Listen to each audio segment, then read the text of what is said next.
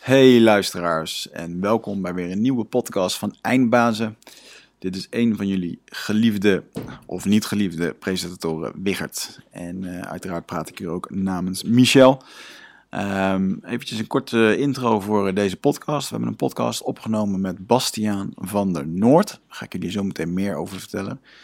Um, we hebben net de cijfers bekeken van uh, Eindbazen. Hoeveel worden we gedownload? Waar worden we geluisterd? En wow, wow, wow, jongens en meiden. Um, ik wil jullie heel erg hartelijk bedanken voor iedereen die nu luistert en die dit ook hoort.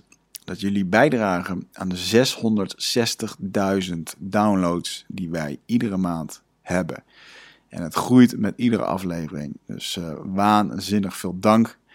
Uh, en liefde naar jullie, want uh, zonder jullie was dit niet, niet zo gegroeid als dat wij. Nou, we hadden dit nooit verwacht.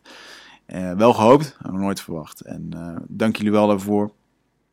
Ontzettend cool om te zien dat de podcast community in Nederland ook zo aan het groeien is. En we zijn blij dat we een van de, zo niet de beste podcast van Nederland mogen zijn. Dat we onszelf zo mogen noemen. En um, ik wil jullie eens eventjes meenemen in een uh, stukje voor de podcast. Uh, onze podcast draait op vrijwilligers. Sommigen, hebben jullie dat, uh, sommigen van jullie hebben dat gehoord in de vrijwilligerspodcast die we eerder hebben opgenomen. En in die vrijwilligerspodcast kwamen allerlei rollen aan bod. En daar zijn we op zoek naar meer tribe members. Oftewel, wil jij vrijwilliger worden voor eindbazen? Dan kan dat. Ga dan eventjes naar eindbazen.nl slash vacatures. En dan zul je een verschillende aantal vacatures zien. We zoeken Instagram uh, beheerders, uh, Facebook uh, content medewerkers. We vragen ongeveer 4 tot 6 uur per maand van je. Je komt in een team te werken van 10 plus mensen. En je krijgt natuurlijk de kans om met mij en Michel wat dichter samen te werken. we hebben regelmatig bijeenkomsten met al die vrijwilligers. En dan gaan we sparren over de toekomst van de podcast waar je nu naar luistert. We kunnen het niet alleen. En uh, ja, joh, we zoeken van alles. Van timeline editors tot en met uh, uh, mensen die mee kunnen helpen met eh, events. Eh, wat ik al zei. Um, kijk eventjes op die site www.eindbazen.nl slash vacatures. En wellicht ben jij een van de nieuwe vrijwilligers binnenkort. Dan wil ik eventjes het jaarprogramma van 12 Waves onder de aandacht brengen. En ook dat heeft ook te maken met de gast die we vandaag in de studio hebben, Bastiaan van Noord, is namelijk ook een 12 Waves Mastermind hoofd en wel in Apeldoorn. 12 Waves Masterminds, dat, zijn, uh, dat is de mastermind waar we ondernemers supporten in hun groei. Een jaarprogramma, kom je acht keer bij elkaar, plus nog twee losse activiteiten erbij. En in die acht keer, om de zes weken dus, gaan we met je doelen sparren. Gaan we kijken naar je onderneming. Waar zitten de gaten? Uh, waar zitten de diamantjes die je zelf misschien nog niet hebt gezien? En dat doe je samen met tien ondernemers en met ons. Uh, verschillende inspiratiesprekers. En uh, inspiratiesessies moet ik zeggen, met inspirationele sprekers. Die gaan je allerlei kennis geven die je waarschijnlijk nog niet wist. En die je ontzettend kunnen helpen met die groei. Dus uh, ben jij die ZZP'er die er wel een keer klaar mee is om zich 40 uur per week helemaal uh, het schompens te werken en wil je gaan uitbreiden, dan is het zeker de moeite waard om daar eens naar te gaan kijken. 12-waves.com slash masterminds. En daar kun je alle info vinden. En uh, ja, dat kan een waanzinnige groei voor je, voor je bedrijf tekenen. Of course, you gotta do the effort. Wij geven je de structuur en de tools. Als laatste de sponsor Nutrifit. Alle eindbaasluisteraars krijgen korting bij de voeding- en supplementen webshop die van mij Michel is. En als je daar met de kortingscode eindbazen wat koopt, kun je daar helemaal los op allerlei supplementen die jou ondersteunen in zware tijden. Zoals presentaties, examens, komen er weer aan volgens mij binnenkort. En uh, wil je wat extra concentratie, wil je meer in flow komen, Um, wil je meer langere en diepere concentratie hebben, dan kunnen supplementen daar absoluut bij helpen. En uh, we hebben ook een money back guarantee. Dus bestel wat, vind je het niks, stuur je terug, krijg je je geld terug. Omdat we zo ontzettend geloven in de supplementen die we verkopen. Merken als Onnit, Bulletproof, Natural Stacks. Go there, buy that shit and uh, you will find out. Dan hebben we 26 mei de grote eindbasisshow met als thema geluk. En daar wil ik jullie allemaal bij hebben, jongens. We hebben maar 130 kaartjes te koop. En het is in Amsterdam op 26 mei, een zondagmiddag. wordt een waanzinnige dag waarin sprekers als Casper van der Meulen, de biohacker komt, Paul Smit, de filosoof, um, Inzo van Zanten, de evangelist van uh, Tony Chocolonis. En we proberen er nog een spreker bij te zetten. En natuurlijk Michel en mij. En dat wordt een uh, hele interactieve middag met publiek, met vragen, met panels. En uh, het zou waanzinnig zijn als je erbij bent. dit wordt een persoonlijk leiderschapsdag. waar je u tegen zegt. met goede namen. Waar je onwijs veel kan leren. Voor minder dan een uurtje coaching ben jij erbij. Uh, dus kijk daarvoor eventjes op eindbazen.nl en dan eh, vind je rechtsbovenaan de grote eindbazenshow waar je een kaartje kan kopen. Wees er snel bij. Dan gaan we nu verder met de podcast en dat is met Bastiaan van Noord. Bastiaan is een onwijze eindbaas, ook voor mij en Michel persoonlijk geweest. Toen Michel en ik uh, met Nutrifit aan de slag gingen en op een gegeven moment besloten van nou, we gaan hier echt wat mee doen. Toen hebben we de hulp ingeroepen van Bastiaan. En Bastiaan is een uh, bedrijfscoach. Hij coacht ondernemers. Hij kijkt naar je organisatie. En hij kijkt daar met een bril naar waar hij eigenlijk precies ziet waar de gaten in je onderneming zitten. Wat gaat er fout? Wat gaat er goed? En uh, als er bepaalde dingen fout gaan, waar ligt dat dan aan? En uh, voor ons heeft dat een onwijze groeisprint. je hoort het ook in deze podcast. Wij kunnen echt het stipje op de horizon aantikken wanneer we met Bastiaan hebben gesproken. wanneer we dingen zijn gaan uitzetten. En we hebben dat een, gezien dat dat echt een hele groei heeft betekend voor Nutrofit. Dus daar zijn we hem ontzettend dankbaar voor. We zijn blij dat hij vandaag in de studio is geweest. En hij gaat het jullie allemaal vertellen. Dames en heren, geniet van Bastiaan van de Noord. Eindbazen wordt gesponsord door Nutrofit. De webshop voor natuurlijke voedingssupplementen en trainingsmaterialen die je helpen bij het verkrijgen van Total Human Optimization.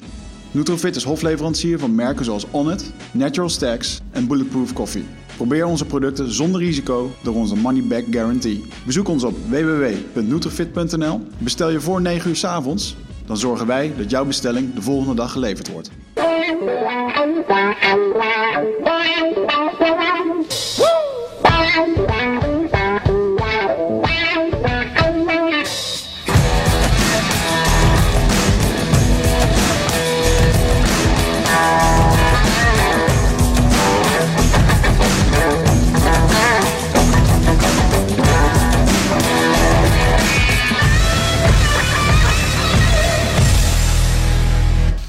Tony Chocolonis deed dat wel leuk. Dus dat echt gewoon tijdens het... Uh, tijdens dat ik wat zat te typen, zegt hij, zit je nou gewoon je e-mail te doen? Ja.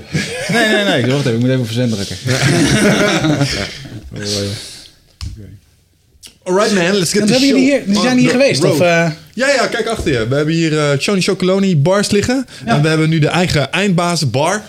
En laat dat dan uh, meteen een uh, soepele, uh, rollende kick-off zijn van de podcast. Laat ik hem ook pakken ook. Yeah, we hebben namelijk... we worstelen al een tijdje met een, een verdienmodel achter eindbazen. Want dat is er niet. Dit, dit kost vooral dingen. En we hebben bedacht, we gaan chocoladerepen verkopen. Dit is de oplossing. de eindbazenbar. We gaan geld verdienen met de eindbazenbar. Eindbazenbar. Dus die kan je gewoon designen en zo op, op Tony Chocolonis. Oké. Okay. Ja. Chocolonis, zeg ja. Chocolonely. Chocolonely, ja, dat hadden we dus, net uh, over. Het is niet Chocoloni, dat zegt iedereen, Tony Chocoloni, maar het is Chocolonely. En daar zit ook een idee achter, want die, want die boeren die de bonen maken, die zijn alleen en die worden ook vergeten door uh, zeg maar de industrie. En daarom is het Chocolonely. Kijk, het achterliggende boodschap. Maar deze bars die kan je bij ons op de webshop kopen.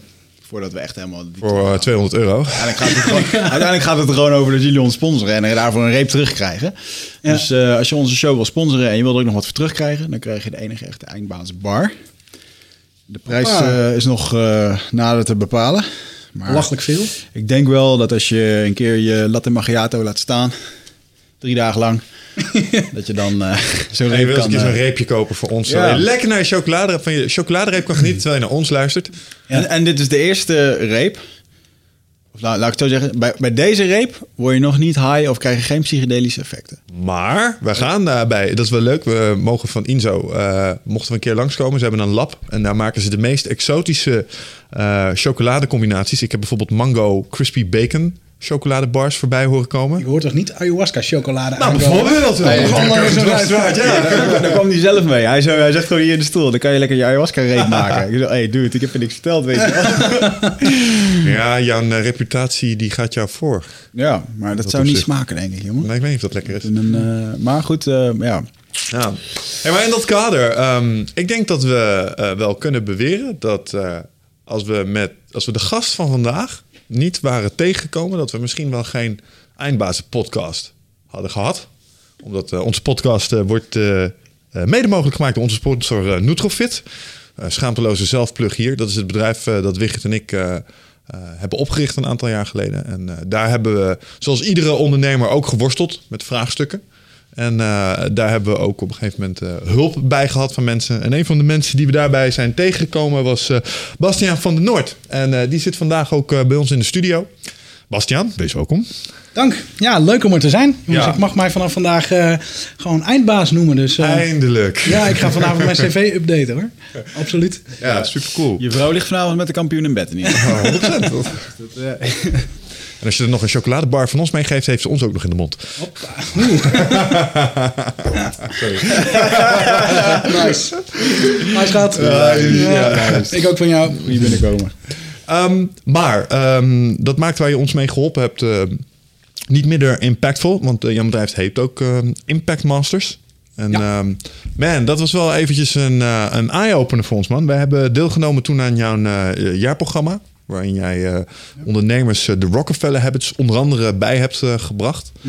En ehm, wij, wij kunnen echt in onze cijfers kunnen wij het moment aanwijzen waarop we met jou te maken hebben gekregen. Omdat we daar echt gewoon een, een hele interessante toename in onze omzet zagen.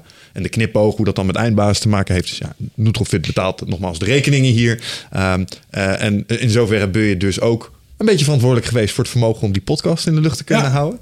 Ehm, kun je eens iets meer vertellen over wat jij ehm, in dat jaarprogramma eh, doet met ondernemers? Ik bedoel, we kunnen straks wel even ingaan op welke onderdelen ons specifiek eh, geholpen hebben. Maar ik denk dat het in brede zin ook wel interessant is, omdat eh, nou, voor mensen die luisteren, ook in die andere onderdelen, waar wij misschien al iets verder waren als gemiddeld, eh, maar zit nog steeds waarde, denk ik, voor mensen die hier naar luisteren. Dus vertel eens, wat doe je? Nou ja, het programma waar we toen over, waar, we het over hebben, was eh, Impact Business Mastery. Ehm, het is eigenlijk een jaar lang eh, met een groep van tien ondernemers ehm, werken aan de groei van je bedrijf. En dat gaat heel erg, dat programma dat is eigenlijk ontstaan. Ehm, met Impact Masters werk ik vooral voor in, in het MKB, ehm, in company, met het, eh, de directeur en zijn team. eh, aan de groei van je bedrijf. Nou, ik. Rockefeller Habits is daar een belangrijke tool eh, bij. En wat ik eigenlijk zag in die eerste tijd dat ik dat alleen maar deed met Impact Masters, is dat die categorie ondernemers daaronder, een beetje tussen de 5 en de 25 man, ehm, die konden niet een heel ehm in-company programma betalen voor een jaar lang. Het was ook veel te eh, zwaar om zo'n programma voor één, eh, met z'n tweeën of met z'n drieën tegelijk eh, te doen. Ehm, zodoende is eigenlijk het idee ontstaan voor Impact Business Mastery. En zeggen, weet je, we gaan dat met een groep van 10 man samen met elkaar doen. En dat is eigenlijk een hele mooie, vooral in het eerste jaar. Dat was eigenlijk een heel mooi, vond ik, ervaring. Dus dat eh, ik daar heb geleerd eigenlijk, soms hoe minder ik zeg, hoe meer ik van waarde ben geweest voor de ondernemers waarmee ik eh, eh, werkte. Ik gaf al een aantal jaren masterclasses over de Rockefeller Habits, over groei, over innovatie, ondernemerschap, een beetje mijn vakgebieden. En ehm, wat ik daar heb geleerd is eigenlijk is dat, ja, dat, ik hem, dat ik mensen geïnspireerd aan het eind van de dag met kennis en energie weer naar huis kan laten gaan. Dat is één. Maar wat veel, veel belangrijker eigenlijk daar was, is dat eh, de reflectie en het spiegelen en de connectie die je daar legde met eh, andere ondernemers die in hetzelfde vaarwater zaten. Ja, Dat ja. was soms van evenveel, uh, evenveel waarde als, eh, als de inhoud die ik daarmee gaf. Ehm, dus dat was ook een hele belangrijke component. Maar ja, ook natuurlijk inhoudelijk. En programma is er heel erg op gericht om... als je voor de doorgroeiende ondernemers... je bent de opstartfase door. Je hebt in de praktijk bewezen levensvatbaar te zijn. Dus we hoeven niet meer na te denken over... waar gaat je bedrijf nou eigenlijk over? Of eh, hoe kun je op een goede manier je propositie in elkaar zetten? Of, dat soort dingen. Gaat echt over, weet je... hoe kom je nou van die van 2 naar 3, zeg maar. In plaats van van 0 naar 1 of van 1 naar 2. Ehm, nou, en in die fase waar we, waar we toen met elkaar Ehm, Rockefeller Habits gaat over eigenlijk vier hoofdonderwerpen: eh, people, strategy, execution en cash. Eh, voor de mensen die het niet kennen, eh, boek van Vern Harnish, Scaling Up heet het inmiddels. Eh, vroeger heet het eh, Mastering the Rockefeller Habits. Eh groeimethodiek die je misschien kent vanuit ehm, de FD Gazelle eh, Awards. Is de prijs voor het snelst groeiende bedrijf van, eh, van Nederland. Want Hebben die Rockefeller hebben het dan ook wat te maken met die Rockefeller-familie? In de zin van hoe zij bedrijven groot maken? Of helemaal niet? Ja, het, het, het eh, een boek is oorspronkelijk tot stand gekomen doordat Vern Harnish heeft gekeken naar John D. Rockefeller. En heeft onderzocht van wat heeft die man destijds nou zo anders gedaan dan eh, wat hem zo uitmuntend veel succesvoller eh, heeft gemaakt dan eh, alle anderen. Ja, nu wil ik persoonlijk niet echt zeggen dat je dan John D. Rockefeller als persoon heel erg als voorbeeld zou moeten nemen. Ehm, maar heeft wel een aantal habits daaruit, eh, eh, gewoontes gedestilleerd die John D. Rockefeller zou hebben gedaan. Eh, en daar is, daar is het boek naar vernoemd. Ja. Waarom zei je trouwens, eh, je- je weet niet of je jezelf moet modelleren naar Rockefeller zelf? Was, was het een eikel? Nee, dat is de Illuminati. eh, oh, man. zo, ja, oh, oké, ja. Rockefeller. al die- al die hoedjes op. Ik laat het zeggen, dat is gewoon heel in het begin van de grote industrialisatietijd. En eh, ehm, ik weet niet, ik heb, laat ik het zo zeggen, het is persoonlijk niet een eh, groot voorbeeld. Ik heb geen Nee, poster, nee, poster nee, van die man aan mijn muur hangen, laat ik het zo zeggen. Helder verhaal. Maar hij had wel een paar principes eruit gevist eh, die schijnbaar eh, iets van waarde hadden. Of, Ja. eh, ja, check. En je zei net people, strategy, execution en cash. En, en hoe, hoe, dat ga je, neem ik aan, voor bijzondere? Of daar doe je bepaalde dingen binnen, binnen een organisatie? Ja, het zijn eigenlijk wat, wat ehm, eh, de Rockefeller Habits heel erg over gaat, is dat de vier. eh, eh, dat je op vier onderwerpen, die vier onderwerpen, moet je keuzes maken die met elkaar in verband staan, waardoor je snelheid creëert. Oké. Ehm, het is een vliegwiel, moet je het eigenlijk een beetje zien. Het begint bij people en dat komt uit ehm, Jim Collins, Good to Great. Die zegt, eh, zorg nou dat je eerst de beste mensen aan boord hebt. Om vervolgens, als je de beste mensen hebt, ben je veel beter in staat om te bepalen wat de beste route ergens naartoe is. In plaats van andersom. De meeste Ja, ja, ja. ondernemers doen dat andersom. Die hebben eerst een idee, dan gaan ze een plan bedenken, dan gaan ze een business case ontwikkelen, gaan daar de mensen bij zoeken, de middelen bij verzamelen en dan gaan ze van start. Nou, Jim Collins zegt, ehm, eh, doe dat nou andersom. Die zegt, first who, then what. Zorg nou eerst, dat eerst voor de mensen en dan voor wat de beste richting is. Dat is, ja, het is wel interessant dat je dat zegt. Want voor de meeste ondernemers eh, staan de beste mensen aan boord ook eh, in hun hoofd in ieder geval gelijk aan kosten. Ja. Eh, En als je net aan het punt van opschalen toe bent gekomen, dan, dan is je werkkapitaal is nog wel eens een ding. Ehm, en dan moet, je, dan moet je daar dus op eh interen. Is dat niet een beetje, dat voelt soms een beetje als een catch-22. Ik heb meer omzet nodig om de beste mensen aan te kunnen trekken. Maar om de beste mensen aan te trekken heb ik middelen nodig. Ja. Enzovoort, enzovoort. Hoe, hoe los je dat op? Ehm, niet. Oh, dat is het stomme. Nou, het was wel leuk. Toen ik doseerde op Nijrode, was daar ooit eh, de oud-directeur van eh Boer en Kroon. Eh, groot management ehm, consultancy club. En daar hadden we het over deze vraag. En ik zei eigenlijk, hoe gaat het? Hoe zorg je er nou voor dat... Want je hebt eigenlijk altijd eerst eh, eh, de hulp nodig, zeg maar... voordat je het geld ervoor hebt. Ja. Want pas als je die mensen aan boord hebt, dan kun je weer het extra geld. Dus een, ja, precies die catch-22. Dus ik vroeg het aan hem van, hoe kijkt u daar eh, tegenaan? Ehm, en hoe doen ze dat in, in, in de grote organisaties? En hij zei, nou, het stomme antwoord is, dit wordt niet opgelost. Want namelijk exact hetzelfde probleem, maar dan in een andere orde van grootte... hebben ze in de raad van bestuur van ABN AMRO nog steeds. Namelijk, het is altijd zo dat je middelen beperkt zijn eh, en je altijd meer kan of wil doen dan dat je ehm, eh, beschikbaar hebt. En dat is eigenlijk in 9 van de 10 gevallen zo. ja. Dus eh, het probleem wordt niet opgelost. En dat is eigenlijk ook niet erg. Het gaat er veel meer om dat je bepaalt, dat je volgorde bepaalt. ja. Wat doe je als eerst en wat doe je als tweede? En je gaat niet eerst tien man aannemen om vervolgens te zeggen: Nou, wat, gaan we dan, wat zullen we gaan verkopen? Dan ben je kapitalen kwijt voordat je je eerste product hebt verkocht. Ik heb zelf wel eens de illusie gehad dat mijn ondernemersproblemen zouden ophouden op het moment als mijn kantoor naar Amsterdam zou verhuizen en ik meer personeel zou krijgen en meer omzet. Ja, Ja, ja, ja, ja, ja, ja, dan, komt het goed. Dan kan ik, krijg ik meer rust. Ja. Uiteindelijk ga je, eh, het maakt ook niet uit als je meer werk gaat verzetten. Dat is ook vaak bij mensen die eh, niet gestructureerd werken. Harder gaan werken. Ja, het is alsof je een bal tegen de muur aantrapt. Die komt gewoon harder terug. En, eh, Ja, werk genereert werk. ja.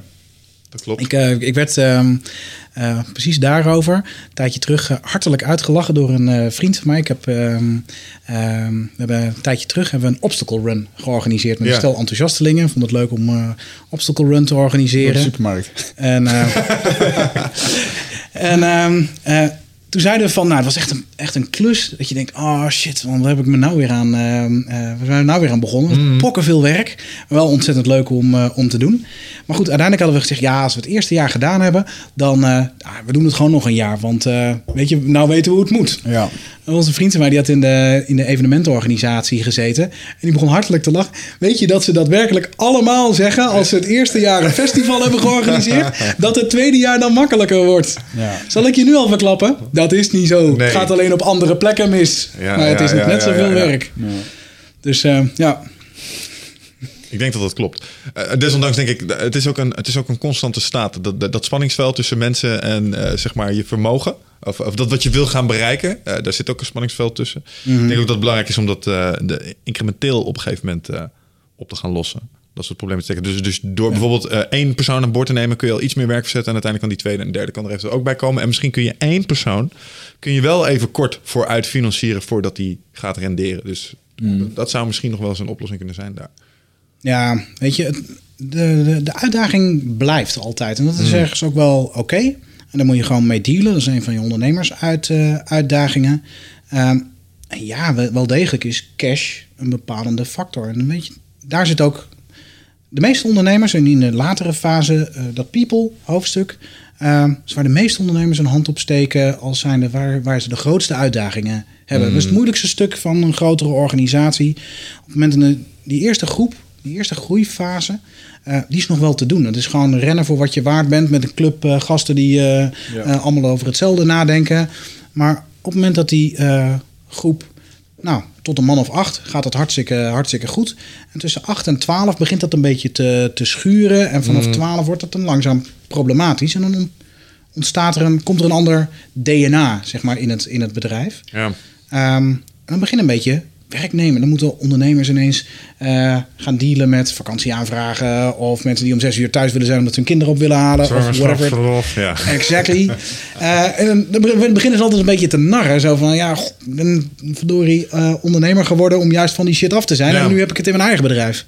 Wij lijken daar een redelijk simpele oplossing voor hebben. Ik ben benieuwd hoe je daar tegenaan kijkt. Het is tegenwoordig heel hip om gewoon een flexibele schil om je organisatie heen in te richten. Bijvoorbeeld Wigert en ik kunnen af met ZZP'ers die we inhuren. En dan hebben we dat, dat personeelspeople vraagstuk hebben we nog wel. Maar een deel hebben we al geëlimineerd. Ja. Hoe kijk je daar tegenaan? Heel goed, ik werk zelf ook eigenlijk. Ik zeg, eh, ik werk alleen met ondernemers ehm, voor mijn bedrijf, maar ook in mijn bedrijf. Ehm, ik werk het liefste met mensen die eh, zelf ondernemer zijn in dat wat ze toevoegen.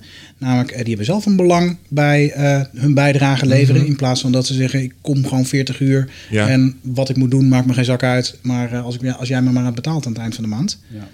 Ehm, ja, dus nee, het is heel fijn. Alleen op een gegeven moment zit er vaak een houdbaarheid aan het businessmodel. Want als je je hele bedrijf baseert op freelancers, ehm, het is gewoon veel te hoge out-of-pocket kosten. Dus dan, gaat je, dan is het gewoon je winstgevendheid op een gegeven moment te laag. Dus ergens zit er wel een omslagpunt Ja. tot waar dat houdbaar is. Een freelancer is gewoon aanzienlijk duurder ehm, qua cash dan dat je dat eh, met werknemers doet. Ja, dat geloof ik wel. Flexibele schil zou ik altijd met ondernemers doen.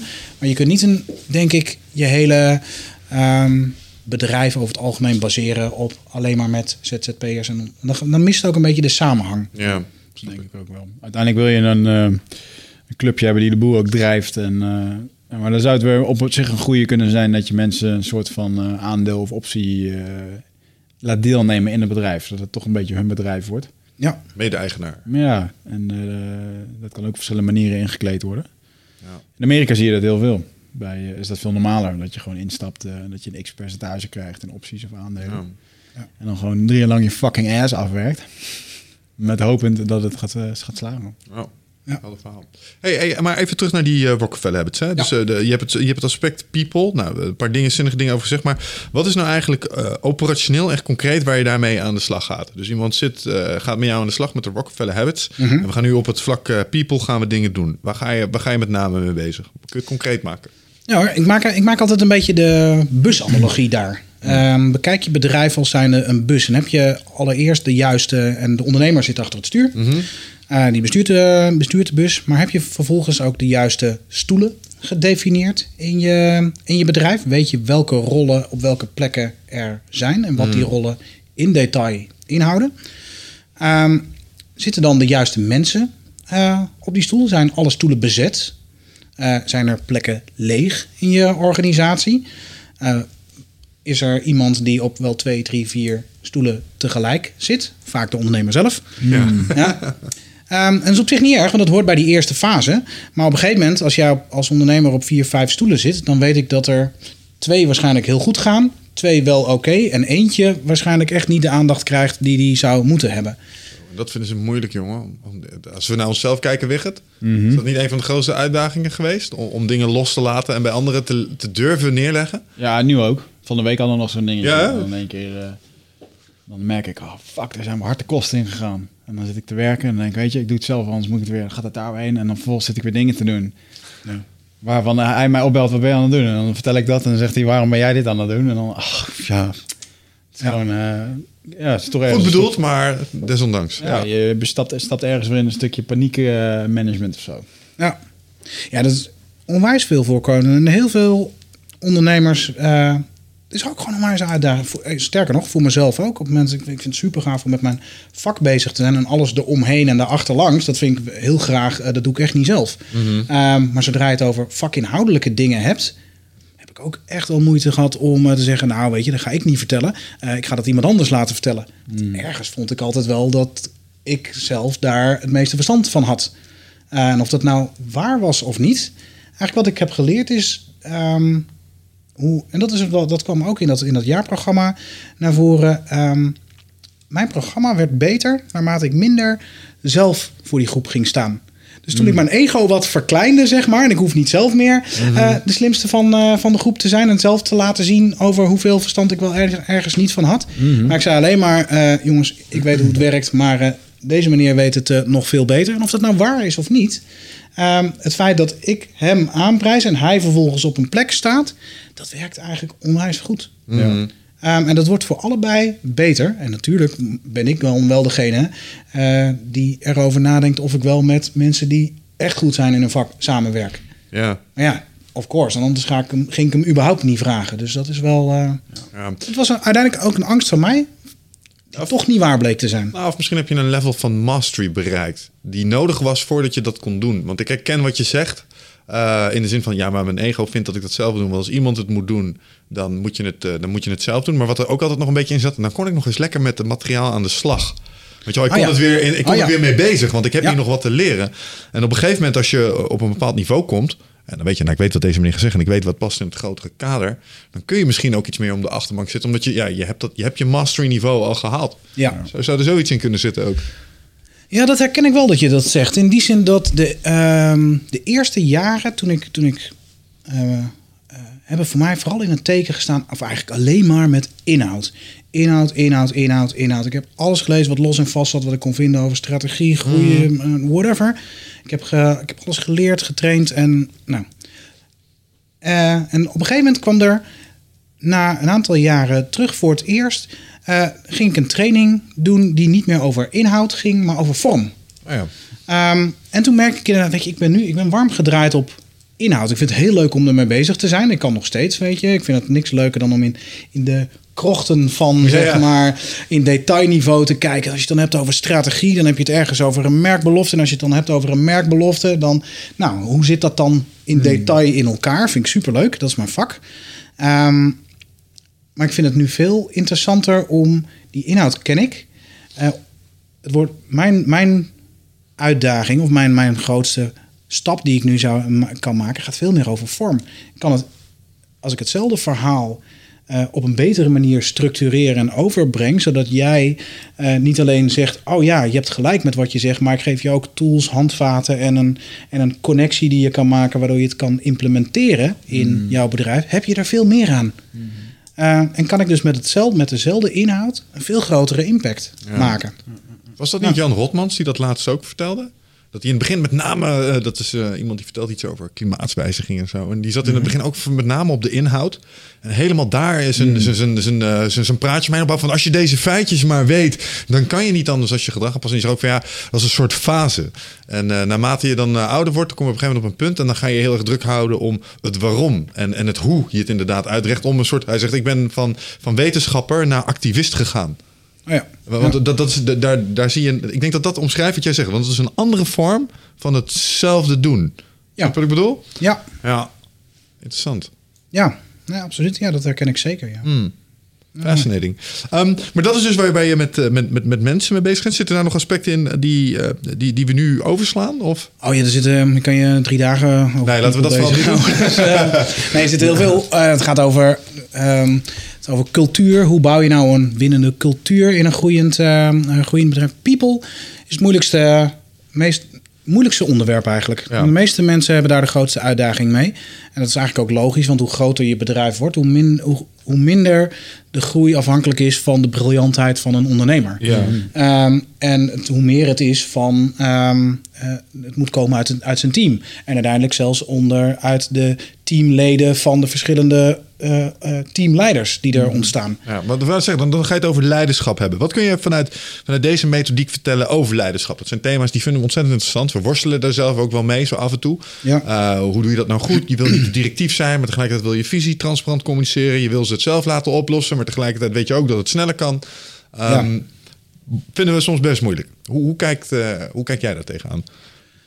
Ik denk voor mij is het echt, is persoonlijk leiderschap echt waar eh, succesvol ondernemen echt helemaal mee begint. Ehm, en je ziet ook eigenlijk de bedrijven die het hardste groeien. ehm, daar staan de ondernemers aan het roer die het hardste willen groeien. Die het meeste drive, Tony Robbins noemt dat hunger als de meeste decisive factor. Ehm, die dat het meeste hebben. En op het moment dat je dat zelf hebt, ehm, en dat heb je eigenlijk alleen maar op het moment dat de waarom jij dingen doet en waarom jij zelf 100% daarvoor gaat, groter is dan alleen maar geld verdienen met je bedrijf of eh, ehm, eh, miljonair worden voor je veertigste of whatever. Eh, op het moment dat je dus je eigen missie, om het maar of je purpose of hoe je het maar ook wil noemen, in lijn is met dat wat jij op bedrijf doet en, de, en er die power voor jou als ondernemer in zit, ja, dat is waar anderen ook op aan kunnen haken. Eh, en op het moment dat je die verbinding legt eh, en dat dat met elkaar in lijn ligt eigenlijk, dat is waar de kracht ontstaat. Dan, ont, dan bouw je niet zozeer meer een bedrijf als wel een beweging waar mensen zich graag bij aan willen sluiten. Ja, dat begint dus wel bij, ehm eh, hoe heet dat? Eh, Gary Vaynerchuk zegt dat zo mooi, eh, know who the fuck you are. Weet je, je moet gaan weten, wie ben je nou? Ehm, en dat is eerlijk gezegd een makkelijke vraag, maar eh, verdomd hard werken voor het antwoord eigenlijk. Ja, misschien is dat ook wel wat het zo aanstekelijk maakt. Ik, ik denk iets, la- ik hoor je dit zeggen en ik denk na over wat is toch dat fenomeen wat er bestaat. Dat sommige mensen, we hebben dat bij Michaela Schippers ook wel eens over gesproken, charisma. Dat sommige mensen op een bepaalde manier in het leven staan, ehm, dat, dat je niet anders als betrokken kunt raken bij wat ze vertellen en wat ze doen. En dat je wil bijdragen. En dat je denkt van holy shit, ik moet aan boord van deze bandwagon. Want ik weet niet wat het is, maar holy shit, hier gebeurt iets. Weet Ja. je wel, dat is het. En sommige mensen die, die kunnen dat gewoon bij mensen oproepen. En, eh, ik, ik vind dat een bijna een mysterieuze kwaliteit. Maar ik denk dat de oorsprong ligt in wat je zojuist zei. Ja, interessant. Ja, misschien wel. Ergens, ik vind authenticiteit is een hele belangrijke... ehm, op het moment dat... En dat gaat over echtheid. Dus op het moment dat het daadwerkelijk over... ehm, als ondernemer er een directe connectie is met dat wat jij in de kern bent en voelt... en echt van overtuigd bent en dat wat jij doet. Op het moment dat, daar, dat het echt is, authentiek... dat daar... Weet je, mensen hebben een bullshit filter, zeg maar. Ja, ja, en, op het ja. moment, en je haakt aan bij iemand, en misschien is dat wel wat, ehm, eh, wat het dus ook is, waarop men, wat, waar mensen op aanhaken, is op echtheid. Ja. En op het moment dat daar pit in zit, en die echtheid gaat over iets wat jij ook echt vindt, dan is het, dat is denk ik ehm, waar charisma ontstaat. Wie zijn mensen die dat bij jou roepen, Wig? Ja, ik zit, terwijl jullie dit zaten te bespreken, zat ik te denken van ja, je, eigenlijk heb je een beetje verschil tussen mensen die vanuit hun hart praten of vanuit hun hoofd. Vanuit een, als iemand op het, hoofd, op het podium staat die vanuit zijn hoofd praat, dan komt dat ook gewoon zo binnen.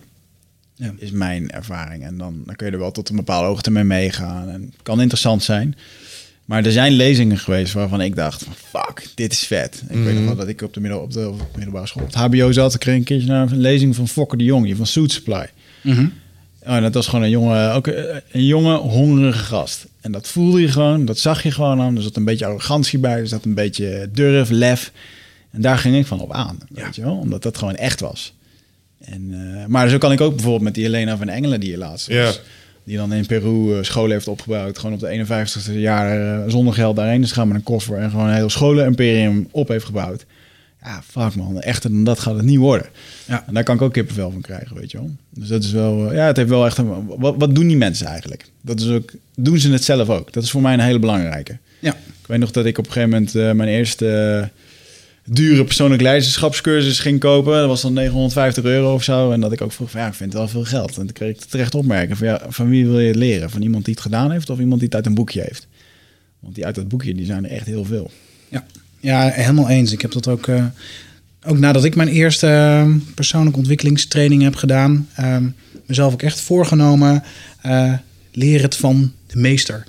Eh, er zit zo'n verschil, zeg maar, tussen eh, degene die het boek geschreven heeft en de, de methodiek bedacht heeft, en degene die het geleerd heeft in een training van en dat vervolgens hier weer doordoet. Ja. Wie waren in dat op zich jouw eh, grote voorbeelden? Naast, eh ehm, hoe heet je nou, van de Rockefeller Habits? Fern Harnish. Vern Ja. Harnish? Ehm, Wie gaat meer dan Michel Vos? Logisch. Ja, ja, ja, die natuurlijk op het lijstje op tegenwoordig. zich. Ja, precies. en, ehm, nee, het is voor mij de eerste waar het, waar het heel erg begonnen is, is bij eh, eh, David Allen. Nou, dat hebben we overeenkomstig dan. Ja, dat, ja, Wist je stiekem ook al wel, maar... ja, dat wisten we. En, ehm, ja, dat was, wel, dat was misschien wel grappig als, als... Dat was een beetje mijn ehm, eerste aanraking met überhaupt persoonlijke ontwikkeling slash persoonlijke effectiviteit. Het was in de tijd van eh, Media Landscape.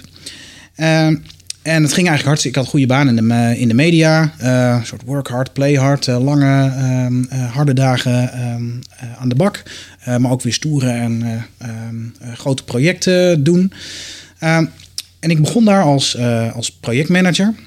En ik had vijf, zes projecten onder mijn, eh, onder mijn hoede. Maar het ging behoorlijk hard met, eh, met Media Landscape. Dat groeide behoorlijk eh, snel. En ik groeide daar een beetje in mee. En op een gegeven moment ging ik van, eh, van vijf naar, naar acht, naar tien, naar twaalf. Naar steeds meer projecten. En, een half, en na een half jaar ehm, kwam ik op zo'n punt dat ik denk... Of ik moet hier nu, ehm, ik trek het niet meer. Mijn enige oplossing was namelijk harder gaan werken. Ehm, en Dat dat, is niet zo goed. nou ja, dat kon best wel. Ik, eh, ik, ik was gewoon jong en ik eh 50, 60 eh, uur in de week met, eh, met gemak. Ehm, en dat was prima. Maar op een gegeven moment kwam er zo'n punt dat er gingen dingen van de wagen vallen. Er gingen dingen mis die eigenlijk niet mis hadden moeten gaan. En ik had gewoon niet meer het overzicht. En ik had. En nog harder werken trok ik ook niet, zeg maar. Dus ik moest een ander plan hebben. En ik dacht, ja, of ik ga over een half jaar, ik ga met een burn-out naar, eh, naar huis. Of ik moet, eh, ik moet een be- iets beters eh, verzinnen. En toen kwam ik eigenlijk, een soort via via, kwam ik bij iemand die mij Getting Things Done aanraadde. En ik ben dat vervolgens dat boek gaan lezen. En ik heb echt een soort, dat boek in één ruk uitgelezen. En echt met een soort verbijstering. Hallo, waarom heeft niemand mij dit ooit verteld? Dat is een herkenbare ervaring. Maar stel je voor, je luistert nu en je denkt Getting Things Done. Was dat voor een boek? En eh, wat, wat heeft jou dat gebracht? Wat leerde het je met name? Nou, het leerde mij eigenlijk dat er een systeem en een structuur bestaat waarop je alle stuff, zoals eh, David Allen dat zo mooi noemt, die je leven binnenkomt. En of dat nou in de vorm van mails, telefoons of mensen eh, of whatever it may be, hoe je daarmee om kan gaan en hoe je kan zorgen dat je een systeem hebt waarin je dat soort dingen eh, bewaart, organiseert en, en gedaan krijgt in plaats van je hoofd. Al die projecten hadden allemaal verschillende taken, onderdelen. En die had ik allemaal in mijn hoofd of ergens. Op, nou, overal en nergens. Maar niet op de plek waar vlak voordat ze misgingen of vlak voordat het nodig was, ehm, ze op mijn netvlies kwamen. Eh, eh, daar, nou, dat was Getting Things Done. Eh, ik vond het een verademing. Met het systeem. ga- Of het eerlijke verhaal is wel dat ik in de eerste maanden eh, drukker was met mijn, het bijhouden van mijn lijstjes dan met het uitvoeren van het werk dat op mijn lijstjes stond. Ja. Eh, ik had er een prachtig systeem omheen gebouwd en mijn baas die zat echt, ehm, eh, hallo, maar wat heb je nou daadwerkelijk gedaan? Mijn systeem onderhouden. Ik had mijn systeem ja. zeg maar ingericht. en daar, wat, was je daar de hele dag mee bezig? Nou, Ik denk dat het een universele fase is van mensen die hun werk gaan organiseren. Dat ze heel veel aandacht hebben aan hun besteed. Maar ik denk ook dat het een cruciale fase is. Want dat is het moment waarop je de werkwijze internaliseert. Ja. door dat poetsen aan je systeem, zeg maar, Ja. maak je de werkwijze eigen. En, en zoek je de juiste plek waarop het kan passen in je leven. Want je bent, ah, het werkt er toch niet. En ik ga hier nog een klein beetje, ga ik het zo proberen. Ja. En op deze manier integreren. Ja, dat is wel cruciaal, denk ik. Ik denk het wel. Daardoor kan ik het nu. Ik heb het nooit meer losgelaten. Ik werk nog steeds met, eh, of wel op een andere manier. Niet helemaal meer volgens de David Allen eh, eh, routeboekje. Maar dus misschien wel kan er nu mee spelen, zeg maar, omdat ik er destijds alles tot op de letter heb gevolgd. Ja. Ja, als je die principes goed snapt, dan eh, kun je zelf een beetje muziek gaan spelen. In de zin Ja. van eh, hoe je dat wil inrichten. Ja. ja, dan wordt het snel à la overload. Weet je nog? We hebben hier een paar jongens gehad over krachttraining en dat soort. Die hadden Ja. als geëikt antwoord altijd... Ja, wat- wanneer doe je dit? Of eh, wanneer squat je op die manier? Ja, hangt er vanaf. Situationeel, contextgevoelig. En als je het zeg maar eh, op een bepaald niveau beheerst... kun je daar zelf keuzes in maken. Ja. Dus ik denk dat dit, eh, dat dit ook zo is. Ja. Ja, en wat wel helpt is omdat je gewoon één... eh, Als je ermee wil beginnen, want eh, ik heb eigenlijk best wel wat mailtjes gehad... van mensen die bij mij klagen over eh, dat als ze alles moeten doen wat Michel zegt... dat het dan wel echt heel veel is, weet je wel. Ja. En dan, bijvoorbeeld een Genning, Genning dan kan super overweldigend zijn als je niet georganiseerd bent. En om het dan allemaal zo te structureren. ehm, maar doe dan, begin eens gewoon vier weken met één ding. Probeer gewoon eens naar een e-mailtje te kijken en er één keer naar te kijken en dan, dan een actie op te ondernemen. En ga dan je andere dingen, dat je het langzaam zo doet.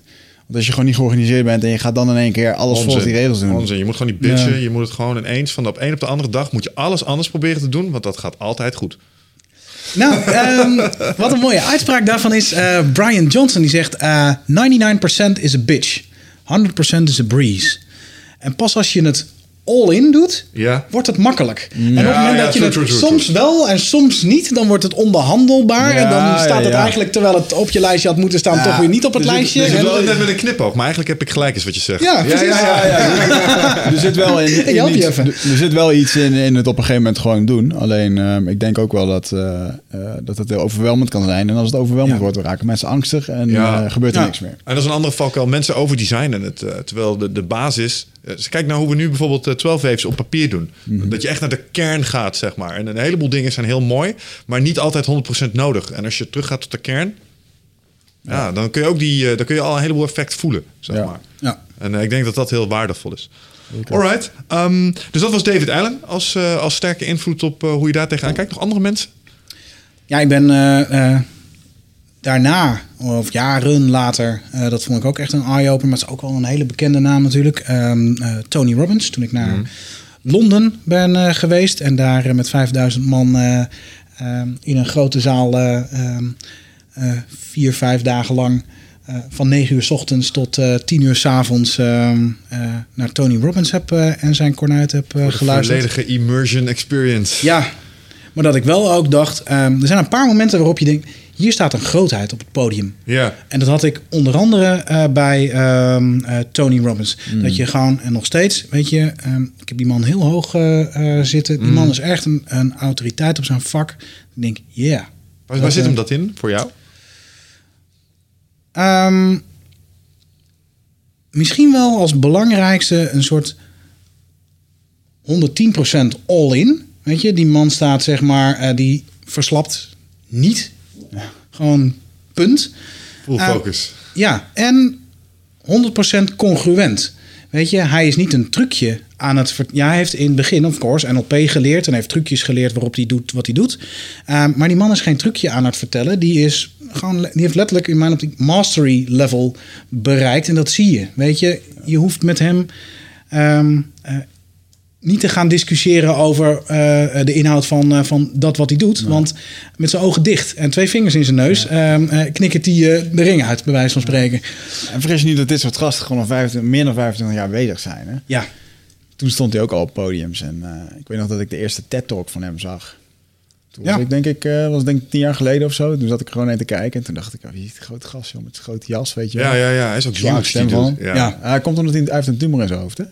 Dat duwt ergens op een of ander ding in zijn hoofd, waardoor hij extra hard is gegroeid. Oh, hij heeft oké. het nu nog steeds, maar hij lijkt er niet echt onder te lijden. Ik, ik weet wel van hem dat hij zijn stemgeluid ook actief heeft eh, veranderd. Om serieuzer genomen te worden. Oh ja? Nou, volgens mij is zijn, zijn stem gewoon het resultaat van eh, eh, eh, zo'n drill instructor eh, effect. Gewoon veel schreeuwen. En, eh, ja, ja, precies. ja. dat helpt wel. Volgens mij is dat er gewoon een overuse van je stembanden. Oké, dat zou kunnen, dat weet ik niet. Damaged. Ja, ja. Maar neem niet weg dat ja, ik vind het altijd wel mooi en, en ergens. eh, ik bedoel, mijn coach gaat er ook graag heen. Eh, Naar Amerika en eh 10.000 euro betalen. En dan, dan zit je met Tony of zo. Ja. Nog niet eens in, een- in een groepje of zo.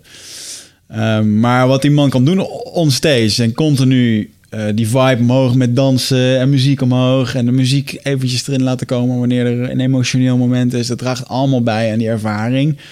En eh, het is wel bijzonder om, eh, om- te zien wat hij doet. En inderdaad, die tomeloze energie, dat, hij dat, kan hij gewoon vijf dagen lang, hè, is dat gewoon zo. Ja. Waarvan de vierde dag alleen maar supplementen verkopen is. Daar zijn wij dan weer te, ze zijn- werken. zijn, zijn wij te nuchter voor. Maar, dat, maar goed, eh, ik snap ook wel weer, ehm, ja, als je dat echt zo ademt en dat is je levensstijl, dan hoort dat er ook bij. Mm. Ja, maar ik vind het wel een hele bijzondere...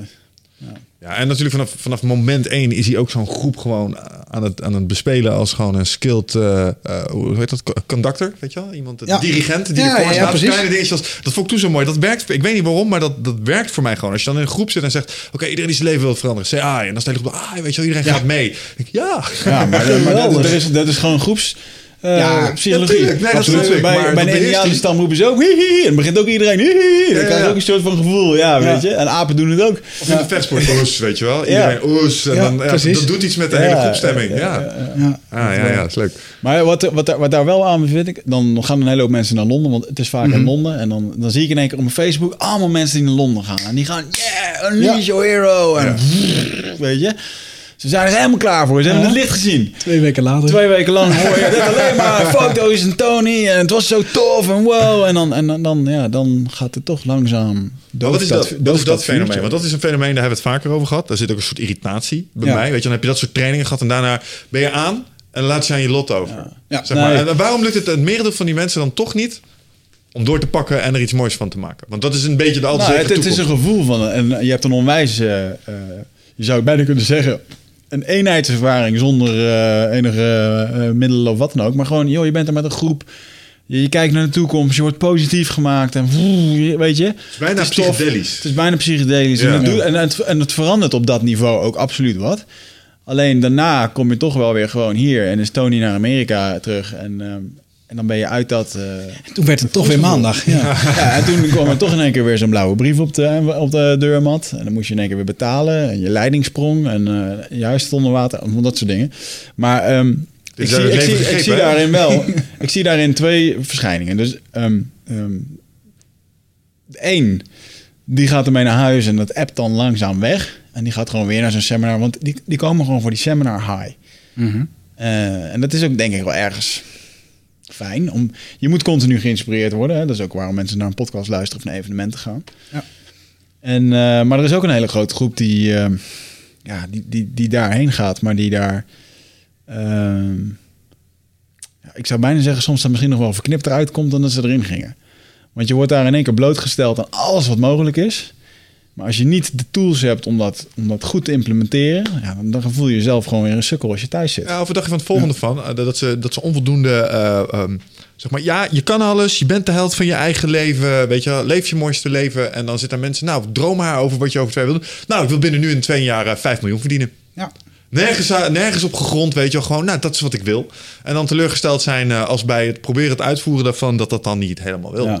Eh, en dat is tegelijkertijd ehm, een gevaar. Eh, ik geloof in het maakbaarheidsprincipe. Maar ik geloof ook in, in realisme en pragmatisme. En ja, jij kan als je van nul komt binnen twee jaar op 5 miljoen zitten. Mits alle condities en metertjes in het groen staan. Het is niet heel waarschijnlijk, maar je kunt wel je positie verbeteren. Het kan. Nee, Alleen het feit dat de sky is the limit, zeg maar, wordt neergezet. Ja, het kan voor een heel klein eh, aantal procent. Ik bedoel, een, een heel klein procent van de mensen die in Las Vegas naar het casino gaan, gaat er ook weg als miljonair. Ja. Maar het gros niet. Nee, maar ik denk wel dat het een. eh, eh, het kan. Dus op het moment als jij de, je, je doelen daarop zet en je hebt een goed plan. Dan ga je er zelf achter komen of dat het lukt of niet. Maar er zijn meerdere mensen bij wie dat gelukt is. Alleen inderdaad, eh, ja, Ja, maar is het dan die seminar geweest of zijn dat gewoon mensen die eigenlijk al op een juiste manier bezig waren en nu net het juiste stukje kennis kregen wat ze al nodig Dat, hadden? dat sowieso. Maar ik denk dat de seminars waar ik ben geweest, die mijn leven hebben veranderd, die waren er op dat juiste moment waar ik op dat ook moest horen. Ja. En ehm, When the student is ready, the teacher appears. ja, en er, eh, joh, er zijn bij mij twee seminars geweest waar ik echt dacht van, fuck, dit was echt goed. Ik had dit gewoon nodig. Weet je Welke wel. waren dat? Nou, de eerste keer met Michael. Ja. Want toen zat ik alleen maar in de angst en in geen geld en alleen maar daarin te roeren van, oh, pff, het is kut, het is kut. Helemaal niet. Ja, waar wil je over drie jaar zijn? Nee, ik zat alleen maar in die pijn en in die angst. Ja. En dan blijf je gewoon cirkeltjes lopen. Eh, dus ja, gewoon doelen stellen, vooruitkijken en ook realistisch. eh. En dat was ook wel mooi dat ik eigenlijk ehm, door middel van hard werken had ik al wel wat. Ik had wel een bedrijf waar wat gebeurde, maar ik deed gewoon niet de dingen goed. Eh, dus ik, ik heb daar wel heel snel uit kunnen klimmen.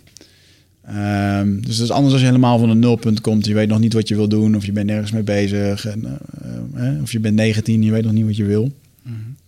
Een andere was Elliot Hulse, waar ik dan ben geweest. En dat ging over eh, meer ademhaling. En eh, eigenlijk was het kamp, eigenlijk als ik het, het grounding camp van hem moet beschrijven, dan ehm, eh, als je je oncomfortabel voelt in groepen om raar te doen, Ja. dan ga je daarheen en dan maakt het geen fuck meer uit. en daar had ik echt zoiets van, oké, fuck, wat loop, wat loop ik mezelf tegen te houden door eh, eh, dat ik toch weer bepaalde dingetjes afzeg op het podium, dat ik niet een nieuw ehm, spreekavond durf te organiseren, bang dat er niemand opkomt. En, terwijl er ook gewoon meerdere keren 120 kaarten voor mij zijn verkocht, weet je wel. En dan nog steeds heb ik af en toe dan de beperking dat ik denk dat dat niet lukt. En een angst die, waardoor het vervolgens niet gebeurt. Ja. En dat was voor mij wel een hele goeie om... eh, Hoe deden ze dat bij Elliot om je van die genre af te helpen? ja, dan, eh, ehm, ehm, dan liep ze gewoon met honderd van die... Hij is echt zo'n fitnessguru. Dus er liepen gewoon honderd van die gorilla's, die liepen daar, eh, lopen daar rond. En dan zet hij gewoon fucking harde muziek aan. En zegt hij, jongens, eh, voor de komende drie minuten... eh, je mag jezelf niks aandoen en anderen niet. Of voor de rest, doe lekker wat je wil. En wat op die muziek aan. Ja, dan gaan er honderd man helemaal door de lint heen. En hij bouwt dat helemaal op tot bepaalde dynamic meditations. En waar iedereen Ja. staat te schreeuwen, te janken en te huilen. En dat is ook, want op een gegeven moment... als je jezelf de toestemming geeft om alles eruit te gooien... in het begin mocht je ook niemand aankijken... maar later moest je anderen aankijken. Ja, dan is het heel raar om jezelf helemaal te laten gaan. En, ja, en dan kom je daar na drie dagen uit en dan... Dan denk je, fuck man, ja, ik voel me lichter, ik voel me relaxter, weet je wel. Ja. Ja. Hij, hij, hij beschreef het een beetje als ayahuasca is een... eh, eh, daar sla je met een sledgehammer op een stuk ijs... die dan helemaal uit elkaar valt. En dit is als het ware de zon die op een blok ijs schijnt... en waar het langzaam gewoon afdruppelt... waardoor je tot ons te laag komt. Dus je moet dit gewoon vaker doen. En, eh, ja, ik vond, het, ik vond dat op mijn... ehm, in mijn leven kwam dat op het juiste moment. Wanneer was de grote eindbasisshow ook alweer? Gaan we dit ook doen, toch? Daar was 27 mei. 27, er zou, Dan ben jij die gorilla. 27 mei. Nou, er, zou een even, er zou een element in kunnen zitten van, eh, van Elliot. Wat doen, jongen? En eh, dat was lachen. Toen ik een keer in Londen was, toen, eh, toen deed hij dat nog niet zo eh, uitgebreid. Maar toen iedereen echt 500 stoeltjes. Dus een super net hotel. En iedereen daar zitten. En eh, hij kwam vervolgens op. En eh, het eerste dat hij zei, hij zegt... jongens, stoel aan de kant. Als je dacht dat je hier met pen en papier wegkwam... dan eh, zat, je, zit je hier verkeerd. En hij deed precies hetzelfde. Hij zei, je mag alleen maar zorgen dat je je neus heen ademt. En als je denkt, dan moet je schudden met je hoofd. En voor de rest mag je alleen maar geluid maken, schreeuwen... en doe maar wat je wil. Voordat je erover na kon denken, hoeft die muziek aan. Weet je? Ja, en, maar dat, en daarna was het wel gewoon... Ja, iedereen eh, even die spanning eraf. Oké, nou, nu gaan we beginnen. En dat is wel onwijs lachen. Lekker. Ja, misschien doen we dat wel. Ja. Ja, weet je, weet je, Nederlanders zijn daar niet zo snel van, Nee, zeg ik denk maar. dat het ook wel Nee, awkward ehm, wordt ergens, maar dat is wel leuk. Maar dat is wel wat Tony doet. En dat doet, in Ja. Nederland doen ze dat ook niet. Nee. Kun je dat, ehm, Michael doet ook wel eh, wat bewegen en een beetje schudden. En het is ook fijn, want als je drie uur zit, dan zie je Ja. de energie ook wegzakken. Even bewegen is goed. Het is gewoon technisch, het werkt gewoon om even gewoon te bewegen. En daarna... Ja, en die, goed die je. power Ja. poses, weet je, dat doet al wat. De manier waarop je staat eh, beïnvloedt je mentale staat al. Dus eh, nee, dat geloof ik wel, man. Oké, nice. Ja. Ehm, hey, daarmee, eh, want via People zijn we een klein beetje van het vliegwiel afgeweken. ja. People, strategy, execution en cash. Ehm, Ja. Kunnen we eens even kort stilstaan bij het stukje strategy van de Rockefeller Habits? Wat, wat, wat voor componenten daarin zitten? Ehm, ja, strategy, of eigenlijk, als je het helemaal plat slaat, ehm, strategy is over het algemeen, als ik eerlijk ben, quite overrated. Hmm. Ehm, dus als je het helemaal plat slaat, gaat het eigenlijk over twee dingen echt. Namelijk eh, glashelder hebben waar je op lange termijn naartoe wil. Wat je Ja. verre stip aan de horizon eh, is. Ehm, en superscherp hebben wat je dit kwartaal kan doen om daar dichterbij in de buurt te komen. Oké. En op het moment dat je die twee met elkaar in verband zet, eh, alignment heet dat in het eh, Engels, is niet zo'n heel mooi Nederlands woord voor, maar gewoon verbinding. Eigenlijk. Uitlijnen. Ja, Ik zoiets. denk dat is iets wat je doet met een auto. Ehm, en je zorgt dat je van kwartaal naar kwartaal de dingen op het vizier houdt die ook daadwerkelijk bijdragen op daar waar je op lange termijn naartoe wil. Ehm, dan wordt die route vanzelf helder. Ehm, alles tussen dit kwartaal en die tien jaar, dat is eh, in de termen van Vern Harnish eh, niet zo heel veel meer dan een well-educated guess. Eh, je weet namelijk toch niet hoe de wereld er over vijf jaar uit zal zien. In ieder geval één ding weet je wel, is dat die anders is dan dat jij nu bedenkt. Ja, ja. Eh, dus ga alsjeblieft niet afstuderen over eh, alle what-if scenario's en hoe zou het eventueel wel kunnen zijn. Maar ga gewoon kijken wat is nu hetgene wat dit kwartaal op je bordje ligt, wat jou dichter bij je grote doel kan Ja. brengen. Je- je- je- dat was een grinnik van herkenning. Ja, ik, eh, ik heb me vaak... eh, op een gegeven moment begon ik dan wel heel erg met doelen stellen. En begon ik helemaal in het persoonlijk leiderschapswereldje. Eh, heb ik daar echt gewoon een run in genomen. Zo van, ah, zie je, ik zag dat het mogelijk was. En toen dacht ik, weet je, ik ga nog meer doen. En toen begon ik op een gegeven moment wel echt doelen te stellen. Van, nou, dan, werken we, dan gaan we nog wel 80 uur werken. Hoe eerder dat ik dan die doelen heb, hoe beter dat het wordt. Maar toen... eh, ja, dan brand je gewoon op. Ja. Dus... dat, dat is ook het nadeel als je dit soort dingen goed in de vingers hebt, maar je hebt jezelf niet goed in de vingers. Dan, eh, ja. Nou, nee, nee. Wat je daar nog miste was een, was een, een achterliggend principe. Want wat je probeert te doen is te groeien. Alleen, eh, en- je doet wel de juiste dingen om te groeien, maar je pakt de onvoldoende rust destijds. Ja, waar, gewoon we, het er straks over hadden, je moet gewoon eens adaptatie van plaats in de rust. Ja. Dus je moet eigenlijk gewoon eens in zoveel weken moet je gewoon een week minder inspanning hebben. Ja. En dan komt het goed. ja, ik heb wel een grote frustratie gehad over dat, ik, eh, dat het niet snel genoeg ging. Dus ik, dat achterhaalt me nog steeds, achtervolgt me. Een soort uh, mijn innerlijke demon. Ja. En, eh, Ook- ook. Ja, en geduld, weet je wel. Dat, eh, ja. Oh, ik heb, een, ik heb meer, meerdere van die... te langzaam. zo Meerdere van die frustraties heb ik eh, in verschillende varianten gehad. Allereerst toen ik... ehm, ehm, eh, ik had een goede baan in de media, dik salaris en, en het ging hartstikke goed. Eh, toen ging ik mijn baan opzeggen en dan was ik ondernemer. Dan had ik ineens geen rode rotcent meer. Ja. Ehm, en ehm, dat was er al eentje, zeg maar. Ik was wel twee keer zo hard aan het werken. Ehm, eh, en ik verdien aanzienlijk minder dan mijn voorgaande eh, salaris. Dus dat ik dat eerst, dat ik denk, "God, nou, dat was een grote frustratie van waarom duurt het nou toch zo lang? Want ik had eigenlijk bedacht toen ik net startte dat ik, weet je, ik wist best wel dat ik er een jaartje mee bezig zou zijn om, eh, eh, om een miljoenen imperium op te bouwen. Maar heel veel langer moest het ook niet worden, zeg maar. Dat was een beetje mijn, nou, ontzettend overdreven inschatting. Maar wel eh, ergens een soort plan. Nou, ik had al wel veel sneller, veel meer meters willen maken dan ik in de praktijk toen heb gemaakt. Ehm, en dat heb ik daarna nog, nog steeds eigenlijk. Weet je, ik had al veel meer dingen met Impact Masters ook willen doen dan die ik heb kunnen realiseren. Ja. Ehm, of course, en ergens steekt me dat soms nog steeds. Aan de andere kant heb ik ook wel echt moeten leren. Ik heb ook best wel veel dingen al wel voor elkaar gekregen. Ja, dat. Eh, en ook wel soms tevreden moeten zijn met, weet je, kijk even naar alle shit die wel goed is gegaan. Weet je waar die frustratie altijd zit, valt mij op. En ik heb een tijd lang heb ik met GTD gewerkt. En daardoor kon ik eh, digitaal. En daarmee kon ik de doorlooptijd van uitgezette acties bij anderen. Dus gedelegeerd werk kon ik eh, in kaart brengen. Een gemiddelde actie die ik uitzette in een ICT-organisatie had een doorlooptijd van 30 dagen. Snap je? Ja. Dus daarmee, eh, want, want jouw werk, wat heel belangrijk lijkt voor jou, eh, in de meeste organisaties en clubs ben je een onderdeel van een waardeketen. Dus jouw, eh, jouw output is input voor een ander en jij hebt input nodig van anderen.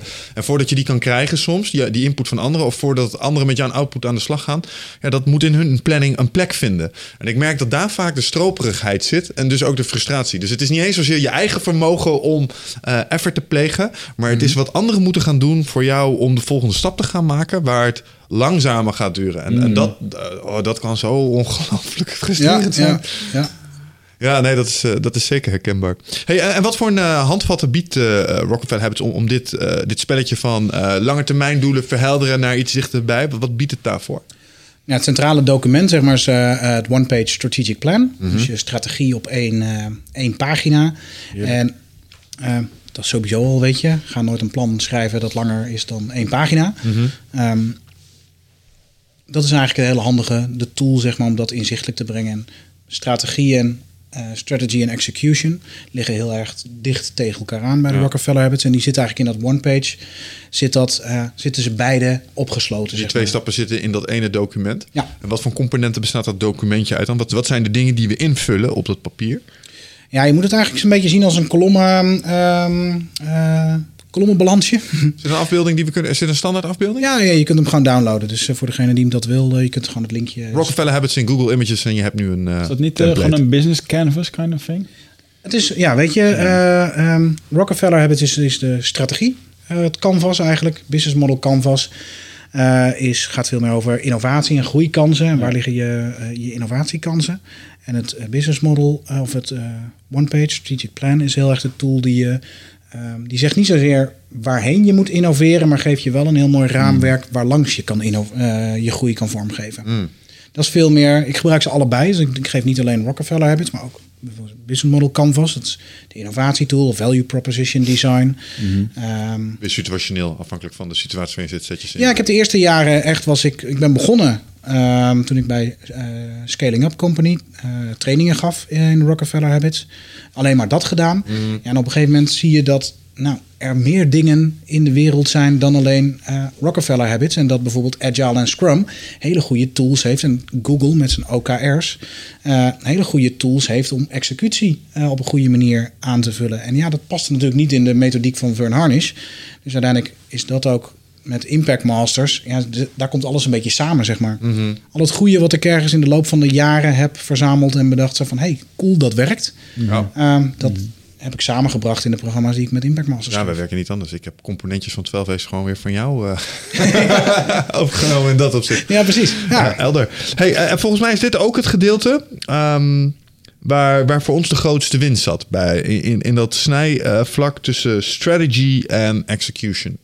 Eh, omdat een van de dingen die, eh, ik zei dat straks al, wij kunnen aanwijzen waarop wij eh, in onze cijfers waar we deel zijn gaan nemen aan dit programma. Ja. En dat kwam omdat daar twee inzichten met name naar buiten kwamen. Namelijk dat je die kwartaalplanning, waar je het over had, op zijn beurt weer kan terugslaan naar eigenlijk één cijfer.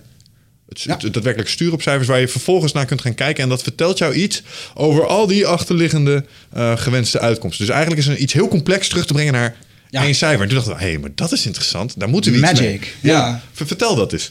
Ja, dat is. eh, ehm, dan zit je, kom je ook al gelijk een beetje in het cash-stuk. maar dat is het kritische, de critical number. Het kritische getal van je bedrijf. En er is ehm, één getal dat het beste aangeeft hoe hard jij eh, koerst eh, met, je, met je bedrijf. En glashelder hebben wat dat is, kan een enorm grote impact hebben op alles wat je daarna doet. Voor de goede orde, dat kan per bedrijf een verschillend getal zijn. Ja, Juist. Ehm, het is meestal de, de- ze noemen dat ook wel, ehm, het zit een beetje in de buurt van eh, een ander mooi getal, de economische motor. Eh, profit gedeeld door x, namelijk, en dan is x dat getal. Ehm, welk getal drukt het, meeste, drukt het beste jouw winst uit? En het voorbeeldje daarvan eh, heel mooi is ehm, eh, een, een luchtvaartmaatschappij. Ehm, die kan een, twee verschillende luchtvaartmaatschappijen kunnen twee verschillende economische motoren hebben. Ehm voorbeeldje van KLM bijvoorbeeld. Eh, een economische motor van KLM is de winst per vlucht. KLM doet veel lange afstandsvluchten naar tropische oorden en dergelijke. En die, die kijken ernaar dat hun eh, winst per vlucht geoptimaliseerd wordt. Ehm, EasyJet daarentegen eh, kijkt naar een heel ander getal. Die kijkt naar winst per passagier. En doordat ze dat onderscheid eh, maken, krijg je, maken ze substantieel andere keuzes. Wat EasyJet heel erg gaat doen, is die gaat de winst per passagier optimaliseren. Dus die gaat kijken, hey, als er nou een passagier binnenkomt in ons vliegtuig, wat kunnen we dan doen om daar eh, eh, meer winst, meer waarde aan, eh, aan over te houden? Ehm, en die gaat bijvoorbeeld meer op in-flight verkoop eh, zitten. Die gaat op add-ons. Wil je meer beenruimte, moet je wat bijbetalen. Wil je een extra koffer meenemen, moet je bijbetalen. Wil je, nou, al dat soort dingen die erop richten om eh, winst per vlucht, eh, winst per passagier te optimaliseren. Ten opzichte van eh, KLM bijvoorbeeld. En ik weet niet of deze getallen allebei voor de beide partijen nog daadwerkelijk gelden. Ehm, die gaat kijken naar hoe optimaliseer ik de winst per vlucht. En die hoeft dus niet zozeer ehm, eh, zoveel mogelijk spullen te verkopen aan boord van die vlucht, want die heeft een ander getal.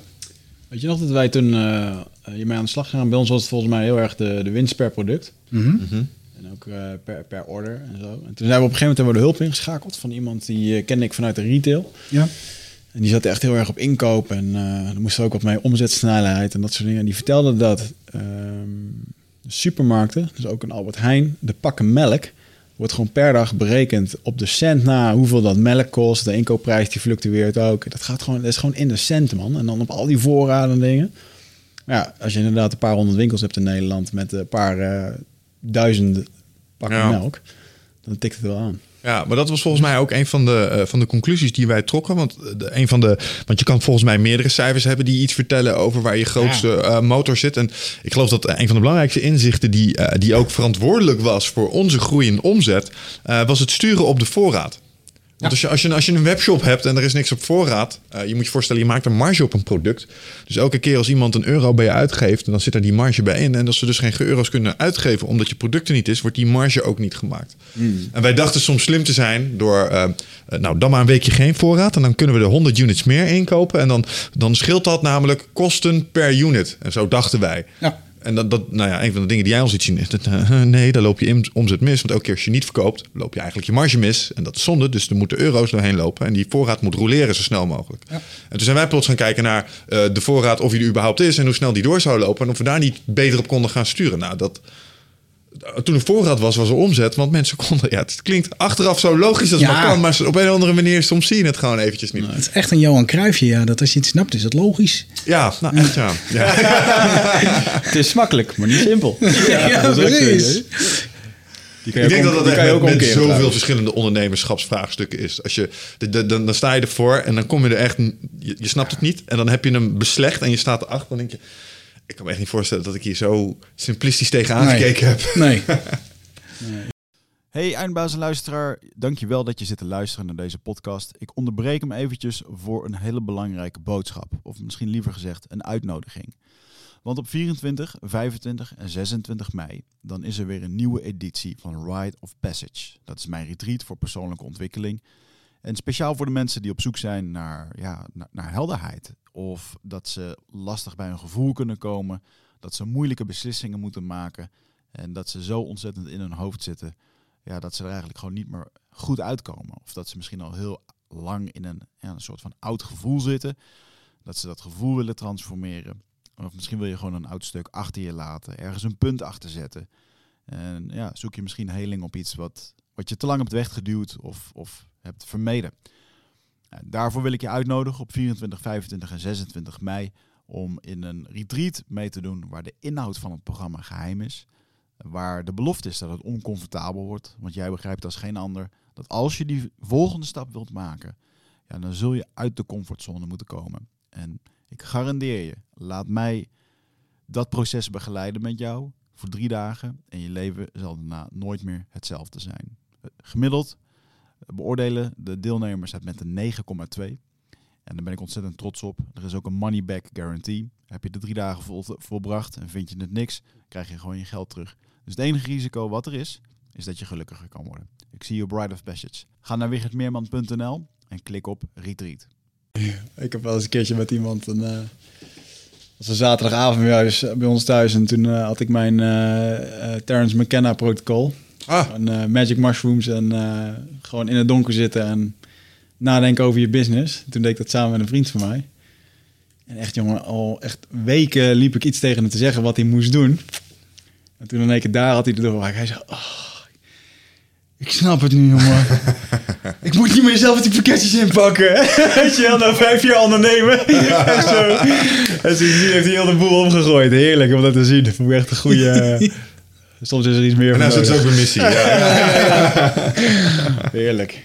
Ja, Ja, mooi. grappig is dat, hè? Hoe je soms met je... Want dit is iets wat... Dat deed hij dagelijks. Dat je ergens elke dag met je neus bovenop zit. En dat het gewoon niet... Het is gewoon controle. Niet landt of zo. controle. Ja, maar ja, dat ja, liever zelf doen. denk ik ook wel. Onze klanten willen echt... eh, dat het van ons doe ik het liever zelf.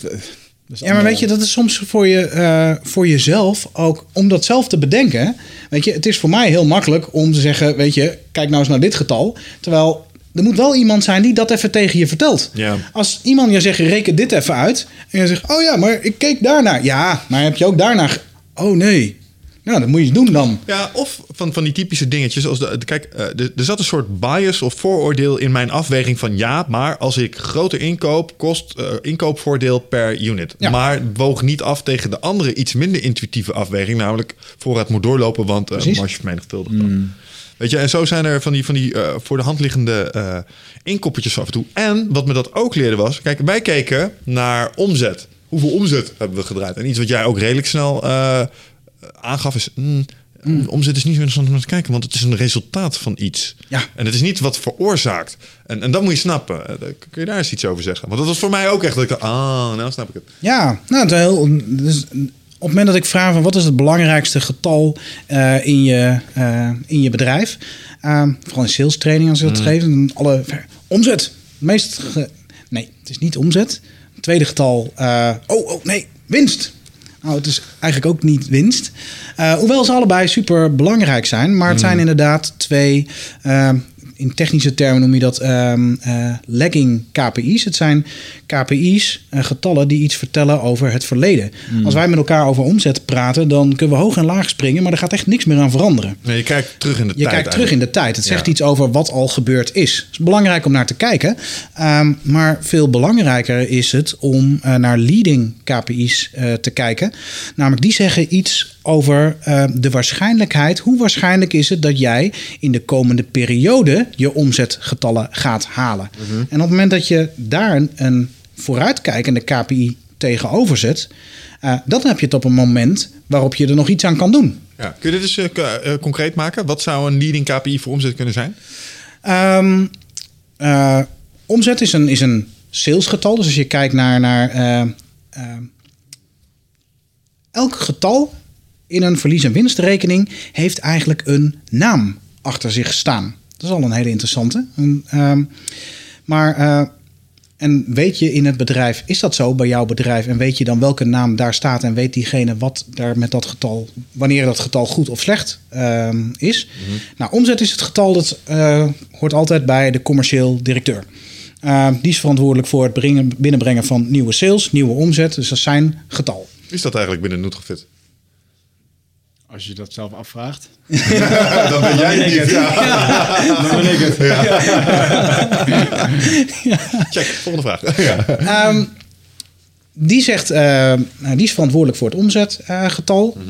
Ehm, sales, een vooruitkijkend getal vanuit sales zal bijvoorbeeld eh sales pipeline. Het aantal eh, prospects, eh, potentiële klanten, waar jij momenteel mee in gesprek bent. De grootste ehm, eye-opener ehm, om het sturen op cijfers. Want dan kunnen mensen denken, inderdaad, wij dachten dat we op cijfers stuurden. Maar we stuurden vooral heel erg op omzet. En ehm, het echt sturen op cijfers, dat raakte bij mij persoonlijk ook wel een ding dat... Ik vond het zo irritant, jongen. Want ik ken dat uit sales overleggen. Ik heb altijd sales gedaan. Dan moest je weer een soort van verantwoording gaan doen. Oké, wat heb je gedaan? Wat is deze week een hot lead? Bla, bla, bla. Dus ik had er, ergens heb ik daar intern een soort van affectie tegen ook. Omdat, Ja. eh, maar het is, er is niks beters als ik nu beginnende ondernemers eh, coach of een keer een gesprek mee heb, kan ik het niet genoeg beamen. Vanaf dag één op cijfers sturen. Dus gewoon je, je, je omzet, alles heeft ermee te maken. En het, er is niks eerlijkers dan cijfers. Weet je, het haalt, het haalt gewoon de bullshit uit je bedrijf. Op het moment dat ehm, wij met elkaar van tevoren afspreken, wat is nou. eh, eh, ehm, ik, ik, eigenlijk, ik stel het als ik een, een masterclass geef, eh, drie vragen aan de, aan de voorkant. Wat is je naam en je naam van het bedrijf? Nou, daar komen de meeste wel uit. Eh, de, ja, die is wel leuk trouwens. Ik heb wel eens, vooral als je MT's bij elkaar hebt, zeg maar. eh, één MT gehad dat op diezelfde vraag de naam van het bedrijf vier verschillende antwoorden gaf. Dat is wel, zeg maar, maar goed, dat is een, dat is een tweede. Interesting. Ehm, ja, allemaal een variantje van de ander. Maar, ehm, eh, nou, tweede, wat is de strategie van je bedrijf in één, eh, in één zin? En de tweede is al moeilijker. En de derde is, ehm, wat is jouw bijdrage aan het bedrijf? En meestal op het moment dat je die vraag stelt, krijg je een heel mooi antwoord. Als ik ben verantwoordelijk voor alle business-to-business sales in de grootzakelijke markt. Zo, Wow, wow, wow. Ehm, en er zit zo'n verschil in tussen zo'n antwoord, zo'n mooie bloemlezing van, en eh, mijn bijdrage aan de organisaties dat ik ervoor zorg dat elke maand tien nieuwe aanbestedingstrajecten worden ingediend. Ja. Or whatever it may be. Ja. En dan is dat ook wat ik toe kom voegen. Dat is glashelder, elke maand 10. Eh, en dan hoef ik aan het eind van de maand niet met je te vragen hoe gaat het. Want dan zeg je altijd, oh druk, ja goed, en oh, komt. Als daar, en als we aan de voorkant afspreken, 10 is echt supergoed, daar mikken we op. Eh, dan kunnen we kijken, ja, staat er 11 hebben we feest, staat er 9 ehm, eh, bijna gehaald. Maar sta, we hebben- spreken ook van tevoren af, wat is nou de ondergrens? Wanneer is het rood? Nou, als er aan het eind van de maand of aan het eind van het kwartaal eh, maar 5 staat, nou, dan moeten we wel echt met elkaar in gesprek, want dan is er iets aan de hand wat niet goed is gegaan. En dan heb ik, op het moment dat ik naar dat getal kijk, eh, kan ik ook met je in gesprek over wat kan ik doen, wat what went wrong. Eh, en wat moeten we doen om het beter te maken? Heb je, misschien kom je er niet aan toe, misschien kun je het niet, misschien wil je het niet. Misschien, nou, er is in ieder geval een probleem wat er opgelost moet worden. Ja. En dan hebben we het over de oplossing in plaats van over het probleem. En dan is het probleem gewoon, of de uitdaging, gewoon glashelder. En, en uh, makes perfect sense to me op papier. Ik denk ook dat iedereen dit moet doen. Toch denk ik dat er... eh, en ik, ik hoorde jou net ook zoiets zeggen van... ja, dan moest ik, eh, la, moest ik die leads bespreken en zo. Ja. We hebben hier een keer een Bas Kodde gehad en die zegt... joh, er is geen snelle manier als mensen zeg maar... eh, helemaal inspiratieloos eh, in zombie-modus te krijgen... als ze op deze manier, zeg maar... eigenlijk management middels Excel is dat een beetje. Ja. Hè, sturen op cijfers. eh, om ze de inspiratie en de autonomie eruit te slaan. En enerzijds snap ik dat. Anderzijds denk ik, ja, maar ho eens... als we het niet concreet kunnen maken... dan kunnen Nee, we ook niet echt... Dat is, wel, dat is wel wat je met salesmensen moet doen. Ehm, want als je alleen maar op verhalen af moet gaan. Ja, ik, eh, ik heb was zo'n goed gesprek. Ja, je was helemaal enthousiast. Oké, top. Top dat je allemaal koffie loopt te drinken met iedereen. Maar uiteindelijk gaat het om handtekeningen. Dus inderdaad, hoe groot is die pijplijn? En dat soort dingen. Ik vind dat niet per se voor salesmensen is dat gewoon je werk. Mhm. Je moet die pijplijn vol hebben. En Als je dat niet aan kan tonen, dan ben je gewoon aan wat aan het doen. Ja, weet je, het mooie verschil zeg maar is tussen micromanagen. Ja, eh, elke dag aan het eind van de dag moeten zeggen hoeveel telefoontjes jij hebt gepleegd. Daar wordt iedereen heel actief ongelukkig van. Eh, maar er zit een verschil in, zeg maar, tussen ehm, dingen die je managt en dingen ehm, tussen processen en mensen. Eh, en het ene manage je, het ander niet. Mensen moet je niet gaan micromanagen, want daar wordt iedereen heel narrig en ongelukkig van. En dat, dat slaat alle energie dood. Processen wel. Ik wil een proces wil ik optimaliseren en versnellen. En dat wil ik managen.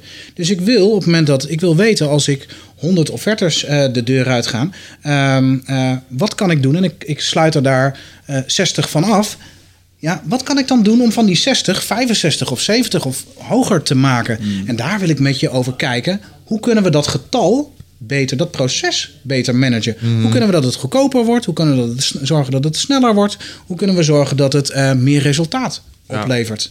En dan ben je met elkaar ehm, een proces in plaats van een persoon aan het managen. Ja. En dan gaat de energie er niet uit. Ja, ik denk dat dat ook waar is. En bovendien, als je op- op- in je processen bijvoorbeeld al een stukje stuur op cijfers meeneemt van hey, leuk dat je hier komt werken. Eh, dit is hoe wij, hoe wij rollen hier. En eh, we, we, we werken gewoon met targets. Dat is heel gewoon. Je mag zelf bepalen hoe je er tot komt. Maar we weten wel dat er over het algemeen tien eh, goede leads per dag nodig zijn om tot deze funnel te komen. En we laten jou over hoe je tot die, tot die leads komt. Maar als jij structureel onder de 10 zit, dan vinden we er wel iets van. Is dat een goede manier om dat op te lossen?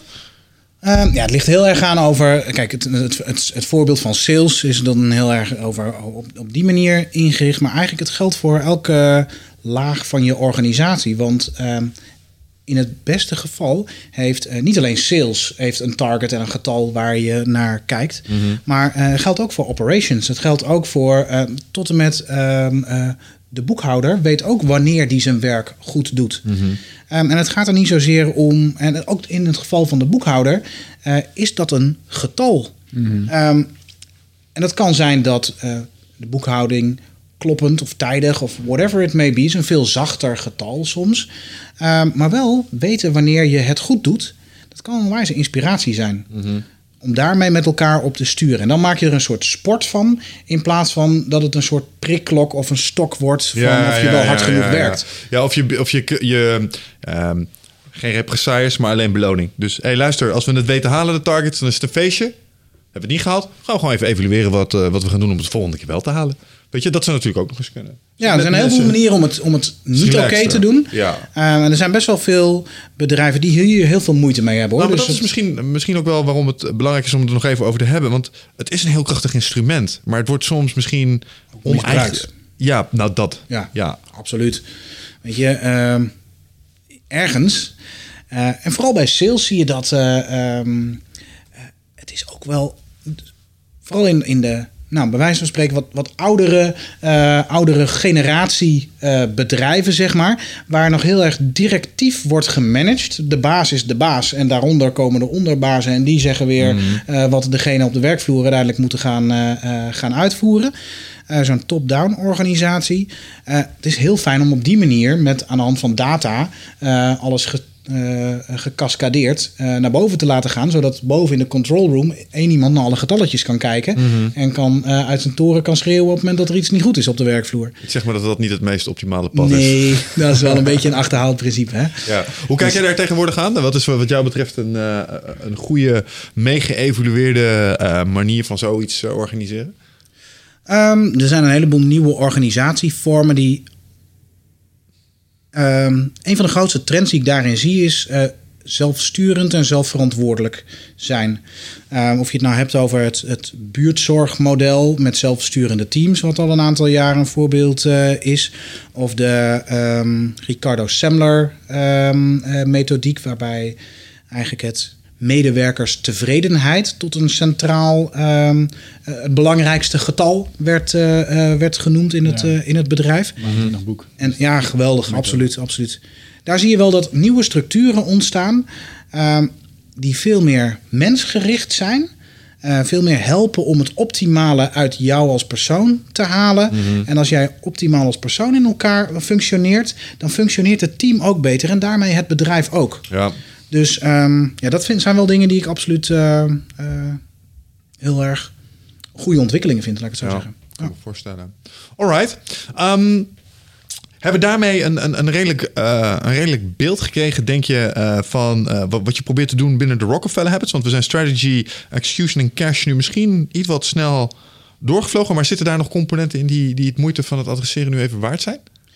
Ehm, ja, als je het mij vraagt natuurlijk eh, ze- Alles, ja. zeker. Ja. Nou, vooral misschien met cash zijn nog wel een paar echt leuke ehm, eh, dingen. Want dat is denk ik het, het belangrijkste. Er zijn niet zoveel ondernemers die niet naar een omzet- en winstcijfers kijken. Dus iedereen kijkt wel in meer of mindere mate naar ehm, eh, zijn getallen. Alleen ehm, kijken naar het getal of kijken naar het verhaal dat je getallen vertellen. Dat is eigenlijk waar ik, wat ik eh, in, het, in, het, in het cash component ehm, het meest inzichtgevende en het meest geweldige stuk vind. Eigenlijk, ik kom uit de financiën. eh, Toen ik bij Endemol nog werkte, eh, heb ik de financiën van heel tv-programma's gedaan. En wat ik het fijne aan finance vind, is dat alles wat een bedrijf doet, zie je terug in de cijfers. Namelijk, het heeft altijd een, een financiële component. Ehm, dus door te snappen welk verhaal je cijfers vertellen, snap je ook aan welke knoppen je kunt draaien. En op het moment dat je daar eh, scherpte in, eh, in krijgt, en daar heb je een aantal bijvoorbeeld hele mooie eh, tools voor. En die zijn, sommige zijn echt zo simpel. Ehm, Voorbeeldje. een voorbeeldje ehm, die ik zelf heel leuk vind, is de ehm, Labor Efficiency Ratio en de Marketing Efficiency Ratio. En wat de marketing, marketing Efficiency Ratio doet, is heel simpel. het geldbedrag dat jij uitgeeft aan marketing delen door je bruto winst. En er komt een ratio uit en je kijkt vervolgens naar dat lijntje over een bepaalde tijd. En gaat dat lijntje nou omhoog? Gaat dat lijntje naar beneden? Of loopt dat lijntje rechtuit? Ehm, daar wil je naar kijken, namelijk hoe meer geld ik uitgeef aan marketing, leidt dat ook tot meer bruto winst. Ja. En zo kun je dus kijken, en dat vinden marketeers soms niet zo heel fijn, namelijk er is een directe relatie, hoe efficiënt wordt je mark- meer marketinggeld gebruikt. Ja, maar nou klikt mijn oude economische brein in. Ja. Dat is wel ceteris paribus. Als alle overige omstandigheden gelijk blijven. Dus dan mag je op dat moment niks aan je prijs doen of aan je productaanbod zelf, want die beïnvloeden die factoren per direct. Of course. Of course, maar op het moment dat je. ehm, ehm, Als je heel veel marketing inzet en je hebt een gruwelijk hogere omzet, dan heeft dat effect gehad. Of als je heel veel marketing Precies. hebt uitgegeven en de, de omzet ging naar beneden, dan weet je ook iets. ja, of Ja, precies, in keer, precies, eh, precies. hey, Ja, we ja, spenderen 4k per maand meer aan social media, maar het blijft gelijk. Dan kun je Ja, ik dacht alleen het omgekeerde. Want ik, ik, wat ik dan denk is, als je meer marketing uitgeeft, wil dat niet per definitie zeggen dat dat verantwoordelijk is voor je omzetstijging ja, als je andere dingen Dat- hebt gedaan. Nee, absoluut, absoluut. Dus er zijn meer factoren die daarop van invloed kunnen zijn. Maar Ja, het is wel degelijk interessant om te kijken... eh, meer geld in dit potje, levert dat ook meer geld in het andere potje op? En dat kun je heel makkelijk door een ratio en dat in een lijntje te zetten. Ja. Labor efficiency is ook nog zo'n hele ehm, eh, mooie. Kijk, de belangrijkste eh, eh, verschil in, of de belangrijkste kostencomponent van een bedrijf is over het algemeen de personeelskosten. Als je het hebt over zakelijke dienstverlening bijvoorbeeld, is dat de allergrootste verschil, het allergrootste getal. Ja. En om daar op een goede manier naar te kijken, ehm, heb ik meer mensen in dienst, ehm, leidt dat ook tot meer eh, resultaat. En door dat in een ratio te bekijken en je een afweging kunt maken, hey, ik wil mijn ehm, getal, die ratio wil ik door laten groeien tot een bepaald niveau, voordat ik weer ga investeren in nieuwe mensen. En zo kun je een, een financieel inzicht, Ja, financiële ja, ja. tool gebruiken om te kijken wat is nou het juiste moment om ehm, eh, op te schalen. Ja, want daarmee, daarmee voorkom je de, de wet van meer en afnemende meeronbrengst eigenlijk. Ik ga alleen maar mensen, mensen erbij zetten, is niet noodzakelijk een garantie voor meer omzet. Precies. Ja. Op een gegeven moment in een grotere organisatie gaat je efficiëntie naar beneden. Dan word je ergens topzwaar. Dan heb je te veel overhead of dan heb je ehm, eh, dat soort dingen. En dan, dan gaat dat getal naar beneden. En dat is een moment, nou, door dat, door dat ge- gewoon getal in je dashboard te hebben, gaat er ergens een alarmbelletje af van hey, kijk eens even wat er aan de hand is. Ja, dat zijn onwijs gave dingen om te zien. eh, die cash tot leven brengen eigenlijk. Mhm.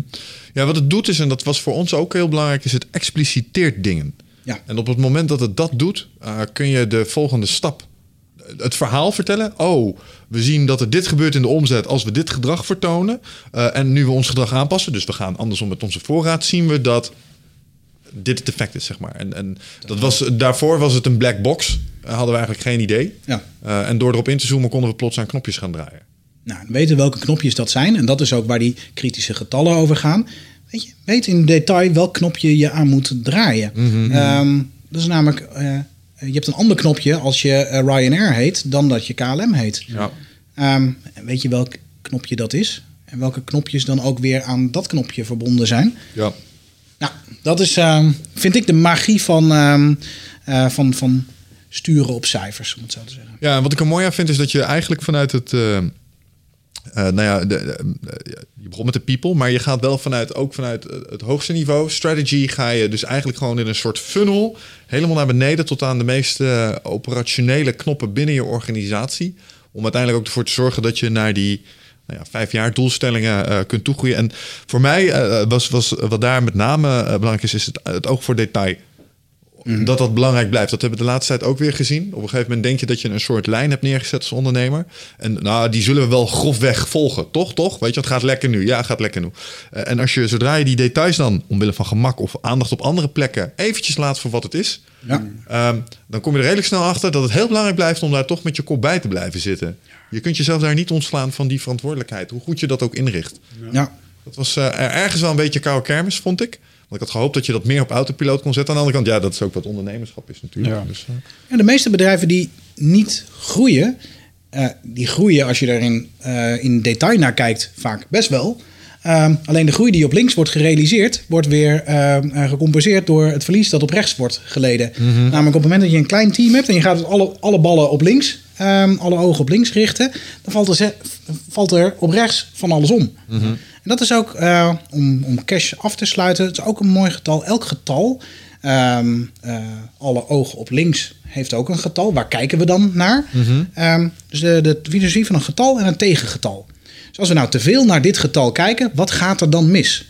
Dus als we bijvoorbeeld eh, heel erg focussen op nieuw business, we moeten nieuwe klanten hebben, nieuwe klanten Ja, aansluiten. ja. Wat, gaat, wat is dan het tegengetal daarbij als we daar te veel op letten? Verloop. Nou, misschien wel dat we ehm, of een hoog verloop, want we leggen de, de, de lat voor onze medewerkers te hoog, of we kijken niet meer zo goed naar onze bestaande klanten. Dus de klanttevredenheid gaat eh, naar beneden.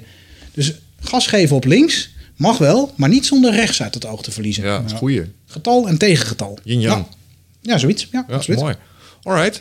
Ehm, nou, dat geeft me wel een redelijk beeld van. eh, dat wist ik natuurlijk stiekem al. Maar eh, ik denk dat dat de, de gemiddelde luisteraar een redelijk beeld geeft van de Rockefeller Habits en eh, de waarde die dat kan, eh, eh, kan hebben binnen je organisaties. Ja, echt jongens, het heeft ons in ieder geval eh, tot nadenken eh, gebracht op een aantal kritieke onderdelen. En dat is denk ik eh, best wel. eh, eh, cruciaal geweest in eh, eh, eh, echt consolideren van de groei ook. En zorgen dat het iets is waar we nu ook op durven leunen en eh, kunnen, eh, kunnen vertrouwen. Dus dat is super mooi. nou, je spreekt natuurlijk een heleboel bedrijven en eh, organisaties kom je binnen. En ik denk dat jij wel ehm, een aantal scenario's bent eh, tegengekomen die je vaker zag. Bepaalde trends, standaard valkuilen waar ondernemers in een bepaalde fase ehm, intuinen. Misschien kun je nog eens even iets vertellen over twee common pitfalls die jij ziet. En eh, als je nou thuis zit te luisteren en je denkt, oh ja, ja, dit gaat over mij. Wat kunnen mensen dan doen om daar eh, verbetering in te brengen?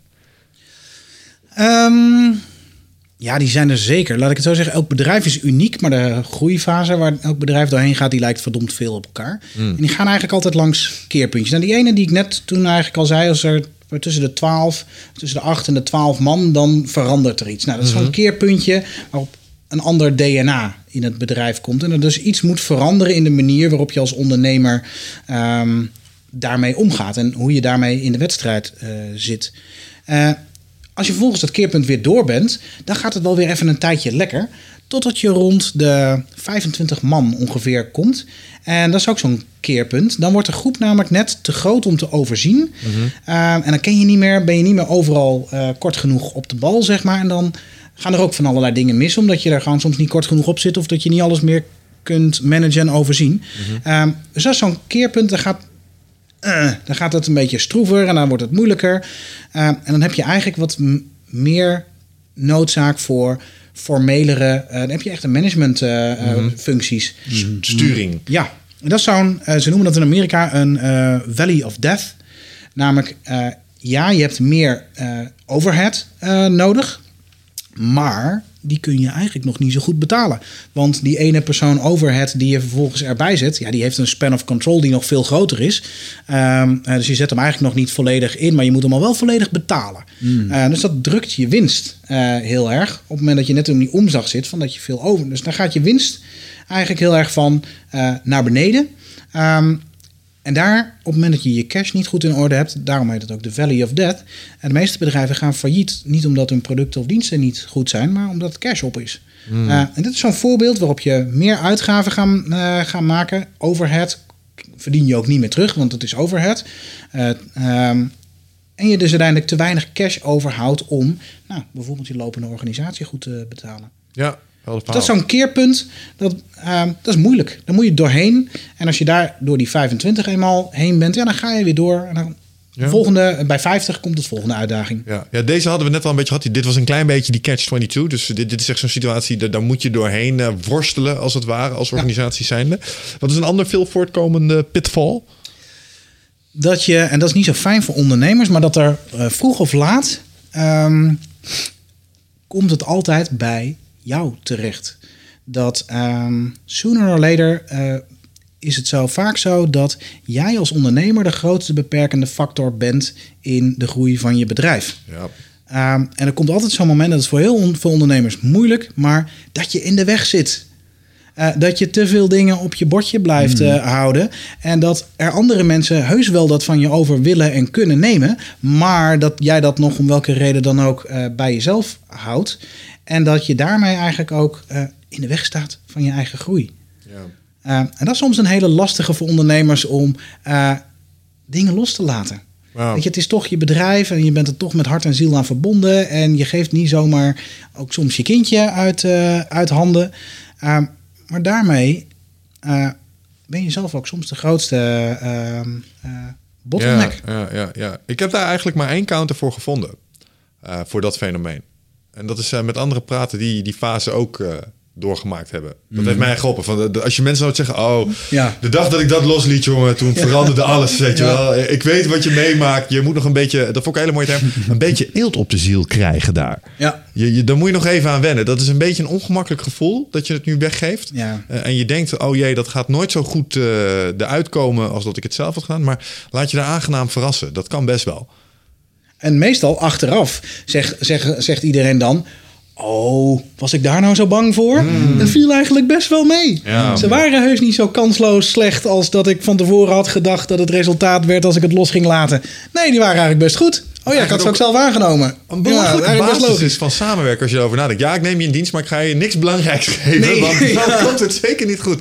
Ja, dat is interessant. Ja. Nee, maar, maar in dat opzicht is natuurlijk eh, soms eh, ehm, even door andere ondernemers eh, en andere mensen die met die problemen te maken hebben getackeld worden of gespiegeld worden, is eh, eigenlijk ook wel eh, heel erg waardevol. Absoluut. En, en, dat brengt me ook even bij iets eh, eh, wat we eh, vorig jaar eh, met z'n tweeën hebben ondernomen. Je bent Ja. eh, ook eh, fanatiek begonnen met eh, eh, een mastermind eh, eh, groep runnen. Mhm. En dat is het eh intervisiecomponent. Ja. Een van de dingen die mij eh, echt het meest heeft gebracht, denk ik toch wel in eh, het laatste anderhalf jaar, is nu op regelmatige basis eh, klankborden en sparren met mensen die met soortgelijke problematiek bezig zijn. En het, deed me denken aan iets wat jij in het begin al even zei in de jaarprogramma's. In jouw originele jaarprogramma staat het component ook. Ja. Ehm, gelijkgestemden vinden. Ja. En, en het belang daarvan. Kun je daar nog eens iets over vertellen? Nou, absoluut. En dat is voor heel veel ondernemers eigenlijk helemaal niet zo vanzelfsprekend dat je goed kan sparren met mensen in je omgeving met de dingen waarmee je bezig bent. Omdat ehm, niet iedereen eh, snapt of kan, kan eh, goed met je mee kan gaan in waar, waar jij mee bezig bent als ondernemer. Omdat ze dat zelf gewoon soms niet kennen. Een mooi voorbeeld, mijn vader. Eh, gaat het goed met de pullen online? Weet je, dat is zijn eh, het niveau Ja. van kennis wat hij heeft over het ondernemerschap. En als je daar dan wat meer met diep gaat, dan, dan merk je dat ze. Het is niet wat hij kent. Nee. Dat vinden ze een beetje. Ja, is een raar onderwerp, dat ondernemen. En met die radioshow van je, hoe zit dat dan, weet je wel? Niet veel Ja. mensen kennen die wereld, zeg Mijn maar. moeder heeft nog altijd de klassieker. Maar als ik dan zeg van, ah ja, taai, weet je wel, bla bla. Het gaat niet in de zin van ondernemen. En ze, waarom neem je niet gewoon je oude baan terug? Ja. Dan doe je die webshop er gewoon bij. Nee, man. Ja, oh, absoluut herkenbaar. Nee, nee, dat, maar dat begrijp ik dus. En het is fijn om mensen om je heen te hebben die dat wel een beetje kennen ook. Ja, ehm, kijk, je vrienden in de kroeg zijn gewoon je vrienden in de kroeg. Mhm. Ehm, eh, en dan moet je vooral lekker mee in de kroeg staan. Maar daar kun je soms niet inhoudelijk mee delen met waar je mee bezig bent. Omdat Mhm. het gewoon, weet je, niet hun expertise of, of dat ze daar gewoon niet altijd ook evenveel mee hebben. Eh, je partner is ook niet altijd, eh, mijn vrouw vindt alles mooi wat ik doe, of juist niet. Maar dat is niet degene waar ik inhoudelijk goed mee van gedachten kan wisselen over, weet je, waar wil je nou op welke manier heen en hoe ga je die stappen vormgeven. Ehm, en het is zo fijn om een groep te hebben om je heen van gelijkgestemde geesten. Eh, en op het moment dat je daar met elkaar kan sparren, eh, ja, dat is goud waard. Mhm. Dat is zo fijn om ehm, eh, te ervaren dat shit waar ik zo mee bezig ben. I'm not alone. Ja. Dat iedereen zegt, oh, heb je dat? Ja, weet je hoe lang ik daarmee bezig ben geweest? Dan denk ik, oh echt? Heb je er zo lang over? Oh, ik ben er pas, ik ben er pas heel kort, maar dat valt best mee dan. Ja, dat weet ik nog Dat met name. gevoel. eh, eh, ook uit het zelf deelnemen van die jaarprogramma's... dat het enerzijds een feest van herkenning is... Ja. en soms, ook wel een klein beetje... leedvermaak in de zin van... oh ja, daar zijn we wel voorbij. Weet Ja. je? Ik, eh, ik voel je pijn, ik weet wat je meemaakt. Ah, Komt goed. maar Ja. het is wel heel veel grappig om je te zien spartelen nu... want there, done that. Precies. Ja. Ja, en dat is echt fijn om, in een, om, om gelijkgestemde gasten om je heen te hebben... die elkaar gewoon scherp houden en verder brengen. ja. Nou, en dat is denk ik wat, er- dat is wat de mastermind voor is. Eh, ja, briljant. Dus toen je mij vroeg van... Hey, ik ga 12 heeft een mastermind... en wil jij in Apeldoorn eh, diegene onder je hoede eh, nemen? Ik heb gezien wat voor magic er in mijn eigen programma... eh, in dat, je- nou, waar jullie bij waren, zeg maar, in dat jaar ontstond. Ehm, ja, kerne. Dus, ehm, ja. Wat daar, wat daar nieuw was, eh, en dat was ook, eh, want eh, we hadden tegelijkertijd een jaarprogramma lopen. En waar ik me echt over verbaasd heb, is de kracht van, dat, van het, van het intervisiecomponent wat we eraan toe hebben gevoegd. Ik bedoel, het is leuk om met die mensen te luisteren naar hun verhalen. Maar ik merk dat het nog krachtiger is om ehm, dingen te moeten doen terwijl een groep van peers naar je staat te kijken. Dus als je elkaar regelmatig terugziet, dan gaat er ook een, een, een soort. Ja, je werkt niet in hetzelfde bedrijf, maar toch zit je samen in dat programma. Dat doet iets. Het zijn mensen die iets hebben bereikt, die, dus die je respecteert. En het doet ertoe wat ze vinden van wat jij doet, merk ik. Ehm, en als je daar dan komt en je moet vertellen van... eh, ja, vorige keer een grote mond gehad, maar ik heb niks waargemaakt eh, in de afgelopen zes weken. Ja. Dan voelt dat eh, niet zeer prettig. De baas krijgt in één keer weer een baas. dat is echt een hele mooie. Oh. En sommige mensen hebben een baas nodig, mooi. ik inclusief. Ja. Oh ja, absoluut. Sterker nog, dat vond ik een van de moeilijkste dingen. Eigen baas zijn. Toen ik begon met ondernemen. Ik vond het moeilijk. Ja. Ja. Weet je, ik, ik vond het eigenlijk heel... Toen merkte ik pas dat het heel fijn is dat iemand voor jou bepaalt dat jij om negen uur ergens moet zijn. Dat je dan achter een bureau moet gaan zitten en deze en deze dingen moet doen. Ja. En toen ik dat allemaal voor mezelf moest gaan bedenken. En ik dus ook al zei, oh, maar dat kan ik ook gewoon niet doen. Weet je, tegen mijn baas zeggen eh, heb ik niet gedaan.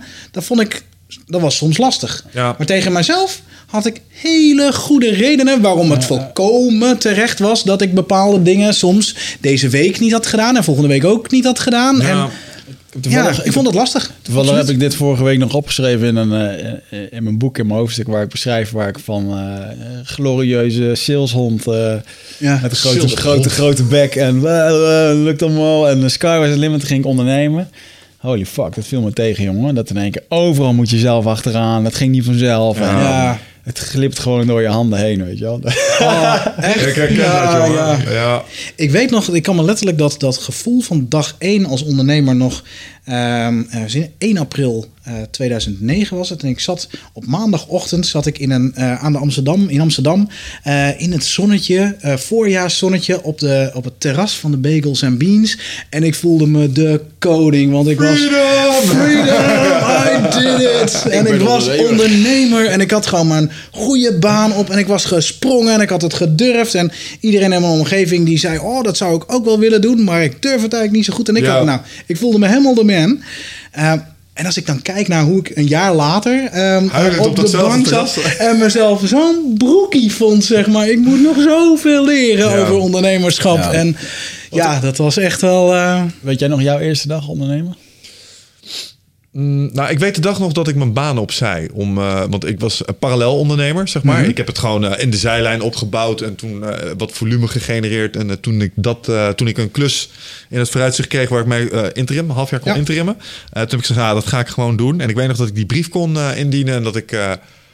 ja, dat was met een dubbel gevoel. Enerzijds, ja, we gaan nu de kooi uit kunnen, zeg maar. De aanwezigheidsverplichting, want die vond ik altijd heel zwaar. Die is er nu af. ja. Ehm, maar nu gaan we het dan zelf moeten fixen. En ik had wat ervaring opgedaan. Ik oké, het moet te doen zijn. Maar nu is het wel showtime. En eh, dat was wel even spannend.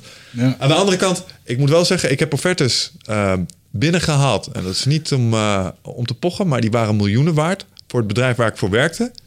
En ik ben duizend keer blijer geweest met offertes van 500 euro die ik voor mezelf Ja. binnen had gehaald. Dus Ja, het genot ja. van je succes, zeg maar, is zoveel high van, het, zeg maar, van, van de euforie. Eh, als je dan een mooie klus scoorde, ja, dat is het. Maar als het dan wordt geweigerd, dan doet het ook twee keer zoveel Oh, zeer. ja. Ja, dat kan wel pijn doen. Ja. Ja, toen ik mijn De eerste... highs en de lows. Ja. Precies. Er zit een fundamenteel verschil tussen het sturen van een factuur en het ontvangen van een salarisstrookje. Correct. Dat is echt een, eh, dat is een wereld van verschil. Nou ja, en het is natuurlijk zo, een van de eerste dingen die ik leerde op het moment dat ik voor mezelf begon en ik mocht met een uurtarief gaan rekenen, dat ik al redelijk snel in de gaten had, oh, dus dit is hoe bedrijven dat doen. Kijk, als je in loondienst bent en je hebt nog nooit zo'n berekening gemaakt wat jouw uurtarief in de markt echt waar kan zijn en je kan zien wat je kan verdienen als je zelf 40 uur voor dat tarief in de week kan wegzetten, Ja. eh, dan kun je redelijk, kan je binnen een maand, misschien wel binnen twee, drie maand, kun jij een jaarsalaris verdienen.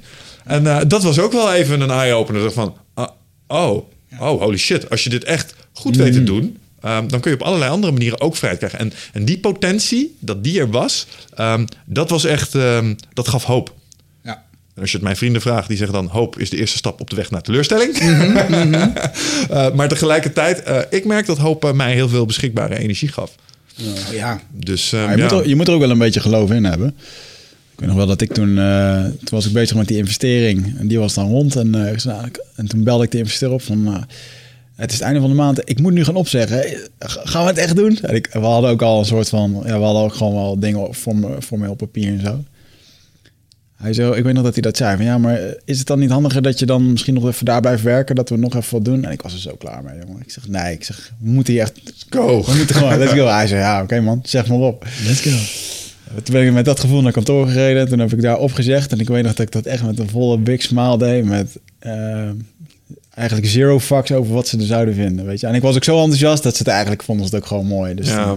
ze me laten gaan. Ja. En jij had toen nog, eh, en ik, ik vraag me af hoe dat voor jou is. Want, ehm, want we hadden het over een baas hebben. Je hebt dan in ieder geval een partner waar je nog mee samenwerkt. En eh, je, wat jij ook had was. ehm, was- ja. ja. En een kantoorpresence. Je, je had een Ja. kantoor waar je naartoe moest, zeg maar. Ik had gewoon een investeerder die 35 man had rondlopen. Of 25 man in het begin, later 35. Ja.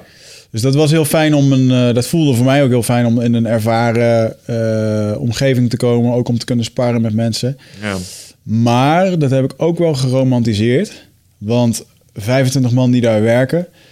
eh, Er zijn er één, twee of drie die, die direct wat met jou kunnen doen. En de rest is gewoon labor, weet je wel. Ja, die zijn ook gewoon met hun werk bezig. En, Ja. dus die, maar dat, dat ik mezelf wel... oh, wow, internetbedrijf, snel. En, maar uiteindelijk was dat toch niet. En die werkte dan ook voor hem. Dus het waren niet mijn medewerkers. Eh, eh, ja, dat was wel...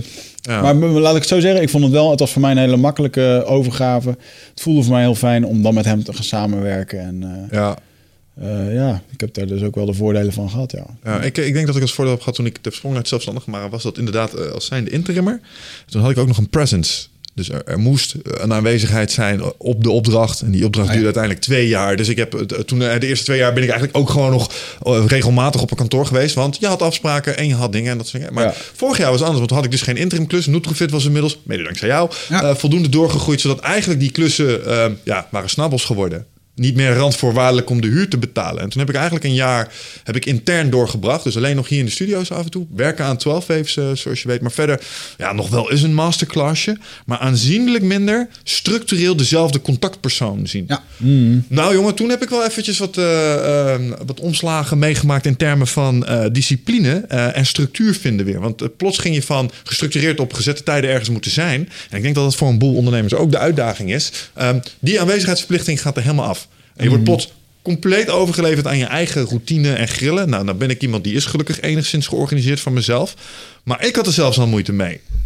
Snap je? Dus dan denk ik, oh jee, als je ook maar iets minder structuur zou hebben, hoe gaat het je dan af, weet je wel? Ja, wat ik wel relaxed vond, was dat ik een partner had die ook daadwerkelijk actief meedeed. Dus er kwam sales via hem binnen en eh, er, ja. werd, er werd actief ehm, voor jou sales gedaan. Ja, dat helpt. En uiteindelijk is dat dan natuurlijk nooit, ehm, eh, gaat het allemaal nooit snel genoeg en hard genoeg dan op dat moment ook. Eh, maar dat scheelde wel, ja, 100%. Dat je ergens ingangen hebt, dat je goed netwerk hebt. Dus ook je businesspartner uitzoeken. Waarom ik ooit met jou ben begonnen, weet ik Ja, dat vraag ik ook wel. Ik wou net iets liefs zeggen tegen jou. Dat Ja. een boel mensen ook nog wel eens tegen mij zeggen... maar je hebt ook wel mazzel gehad met die Wigget. Hè? Jullie hebben elkaar nog. Waarom? En dan denk ik altijd... Fuck, oh, shit. Die hebben geen idee. Nou ja, maar ik vind het wel grappig, want wij hebben van onze, onze, onze 19e af, denk ik, dat, ik eh, dat wij vaak belden over dingetjes of evenementjes. Of Ja. hangen hier postertjes op de verwarming waar ik met mijn snotneus op sta. Eat of see. 22 jaar of zo, of wat is het, 20 jaar. Ja, zie je die vechtposter hangen? Die heb Ja. ik nog, die heb ik nog Die. Ja. En ehm, eh, het mooie was dat we toen al een beetje lagen te overleggen. En dat we zeiden van, ja, we moeten ooit een keertje wat samen doen. Dat hebben we zo lang tegen elkaar geroepen. En toen uiteindelijk, op, toen we 30 waren, eh, Toen pas, ja. toen kwam er in één keer iets voorbij van, ja, oké, let's do it. En eh, ja, daar zit eh, het, het, het structuur- en projectmanagement zit daar. Ja, nou, daar heb ik dan nog mooi. even een laatste afsluitende vraag over. Want eh, dit eh, meer als eh, zeg maar voor de ondernemer die je naar luistert en Ja. die daily hiervan herkent. Nou, jij bent ook eh, op jezelf aangewezen, gaf je al aan. En je zult hier ongetwijfeld ook met dit bijltje hebben moeten hakken. Hoe los jij dat voor jezelf op? Ook met ehm, vallen en opstaan geleerd, of course. Eh, er zijn perioden waarin ik dat heel goed deed... en perioden waarin dat eigenlijk ineens niet meer zo of minder goed ging. Dus dat ook accepteren, dat het niet een soort constante lijn is. Ehm, en dat hoeft ook niet zo te zijn. Eh, maar wel ook ehm, ja, door te structureren. Weet je, ik, ik, ben een, ik, heb, want ik heb een creatief brein, dat gaat heel snel en kan er heel veel eh, eh, dingen heel goed mee. Ehm, maar ook een heel aantal dingen eh, aanzienlijk minder goed. En die moet ik wel echt structureren en organiseren om dat op een goede manier gedaan te krijgen. En nou, bijvoorbeeld een, een, een Getting Things Done systeem helpt mij om dat soort dingen gewoon georganiseerd te krijgen. En pas dan heb ik ook ruimte in mijn hoofd om die creatieve dingen te doen. En als ik die structuur, ik ben creatief omdat ik gestructureerd ben. En eerst dacht ik, eh, weet je, creatief, dat hoort juist geen structuur bij. Dus ik had heel een beetje aversie in het begin daartegen, wat je toen ook zei. Ehm, uiteindelijk heb ik geleerd dat het tegenovergesteld. Ik kan creatief zijn als ik meer... Ik ben meer creatief op het moment dat ik meer gestructureerd ben. Kun je uitleggen hoe, hoe dat werkt en waarom dat kan? Omdat er dan ruimte ontstaat in, in mijn hoofd.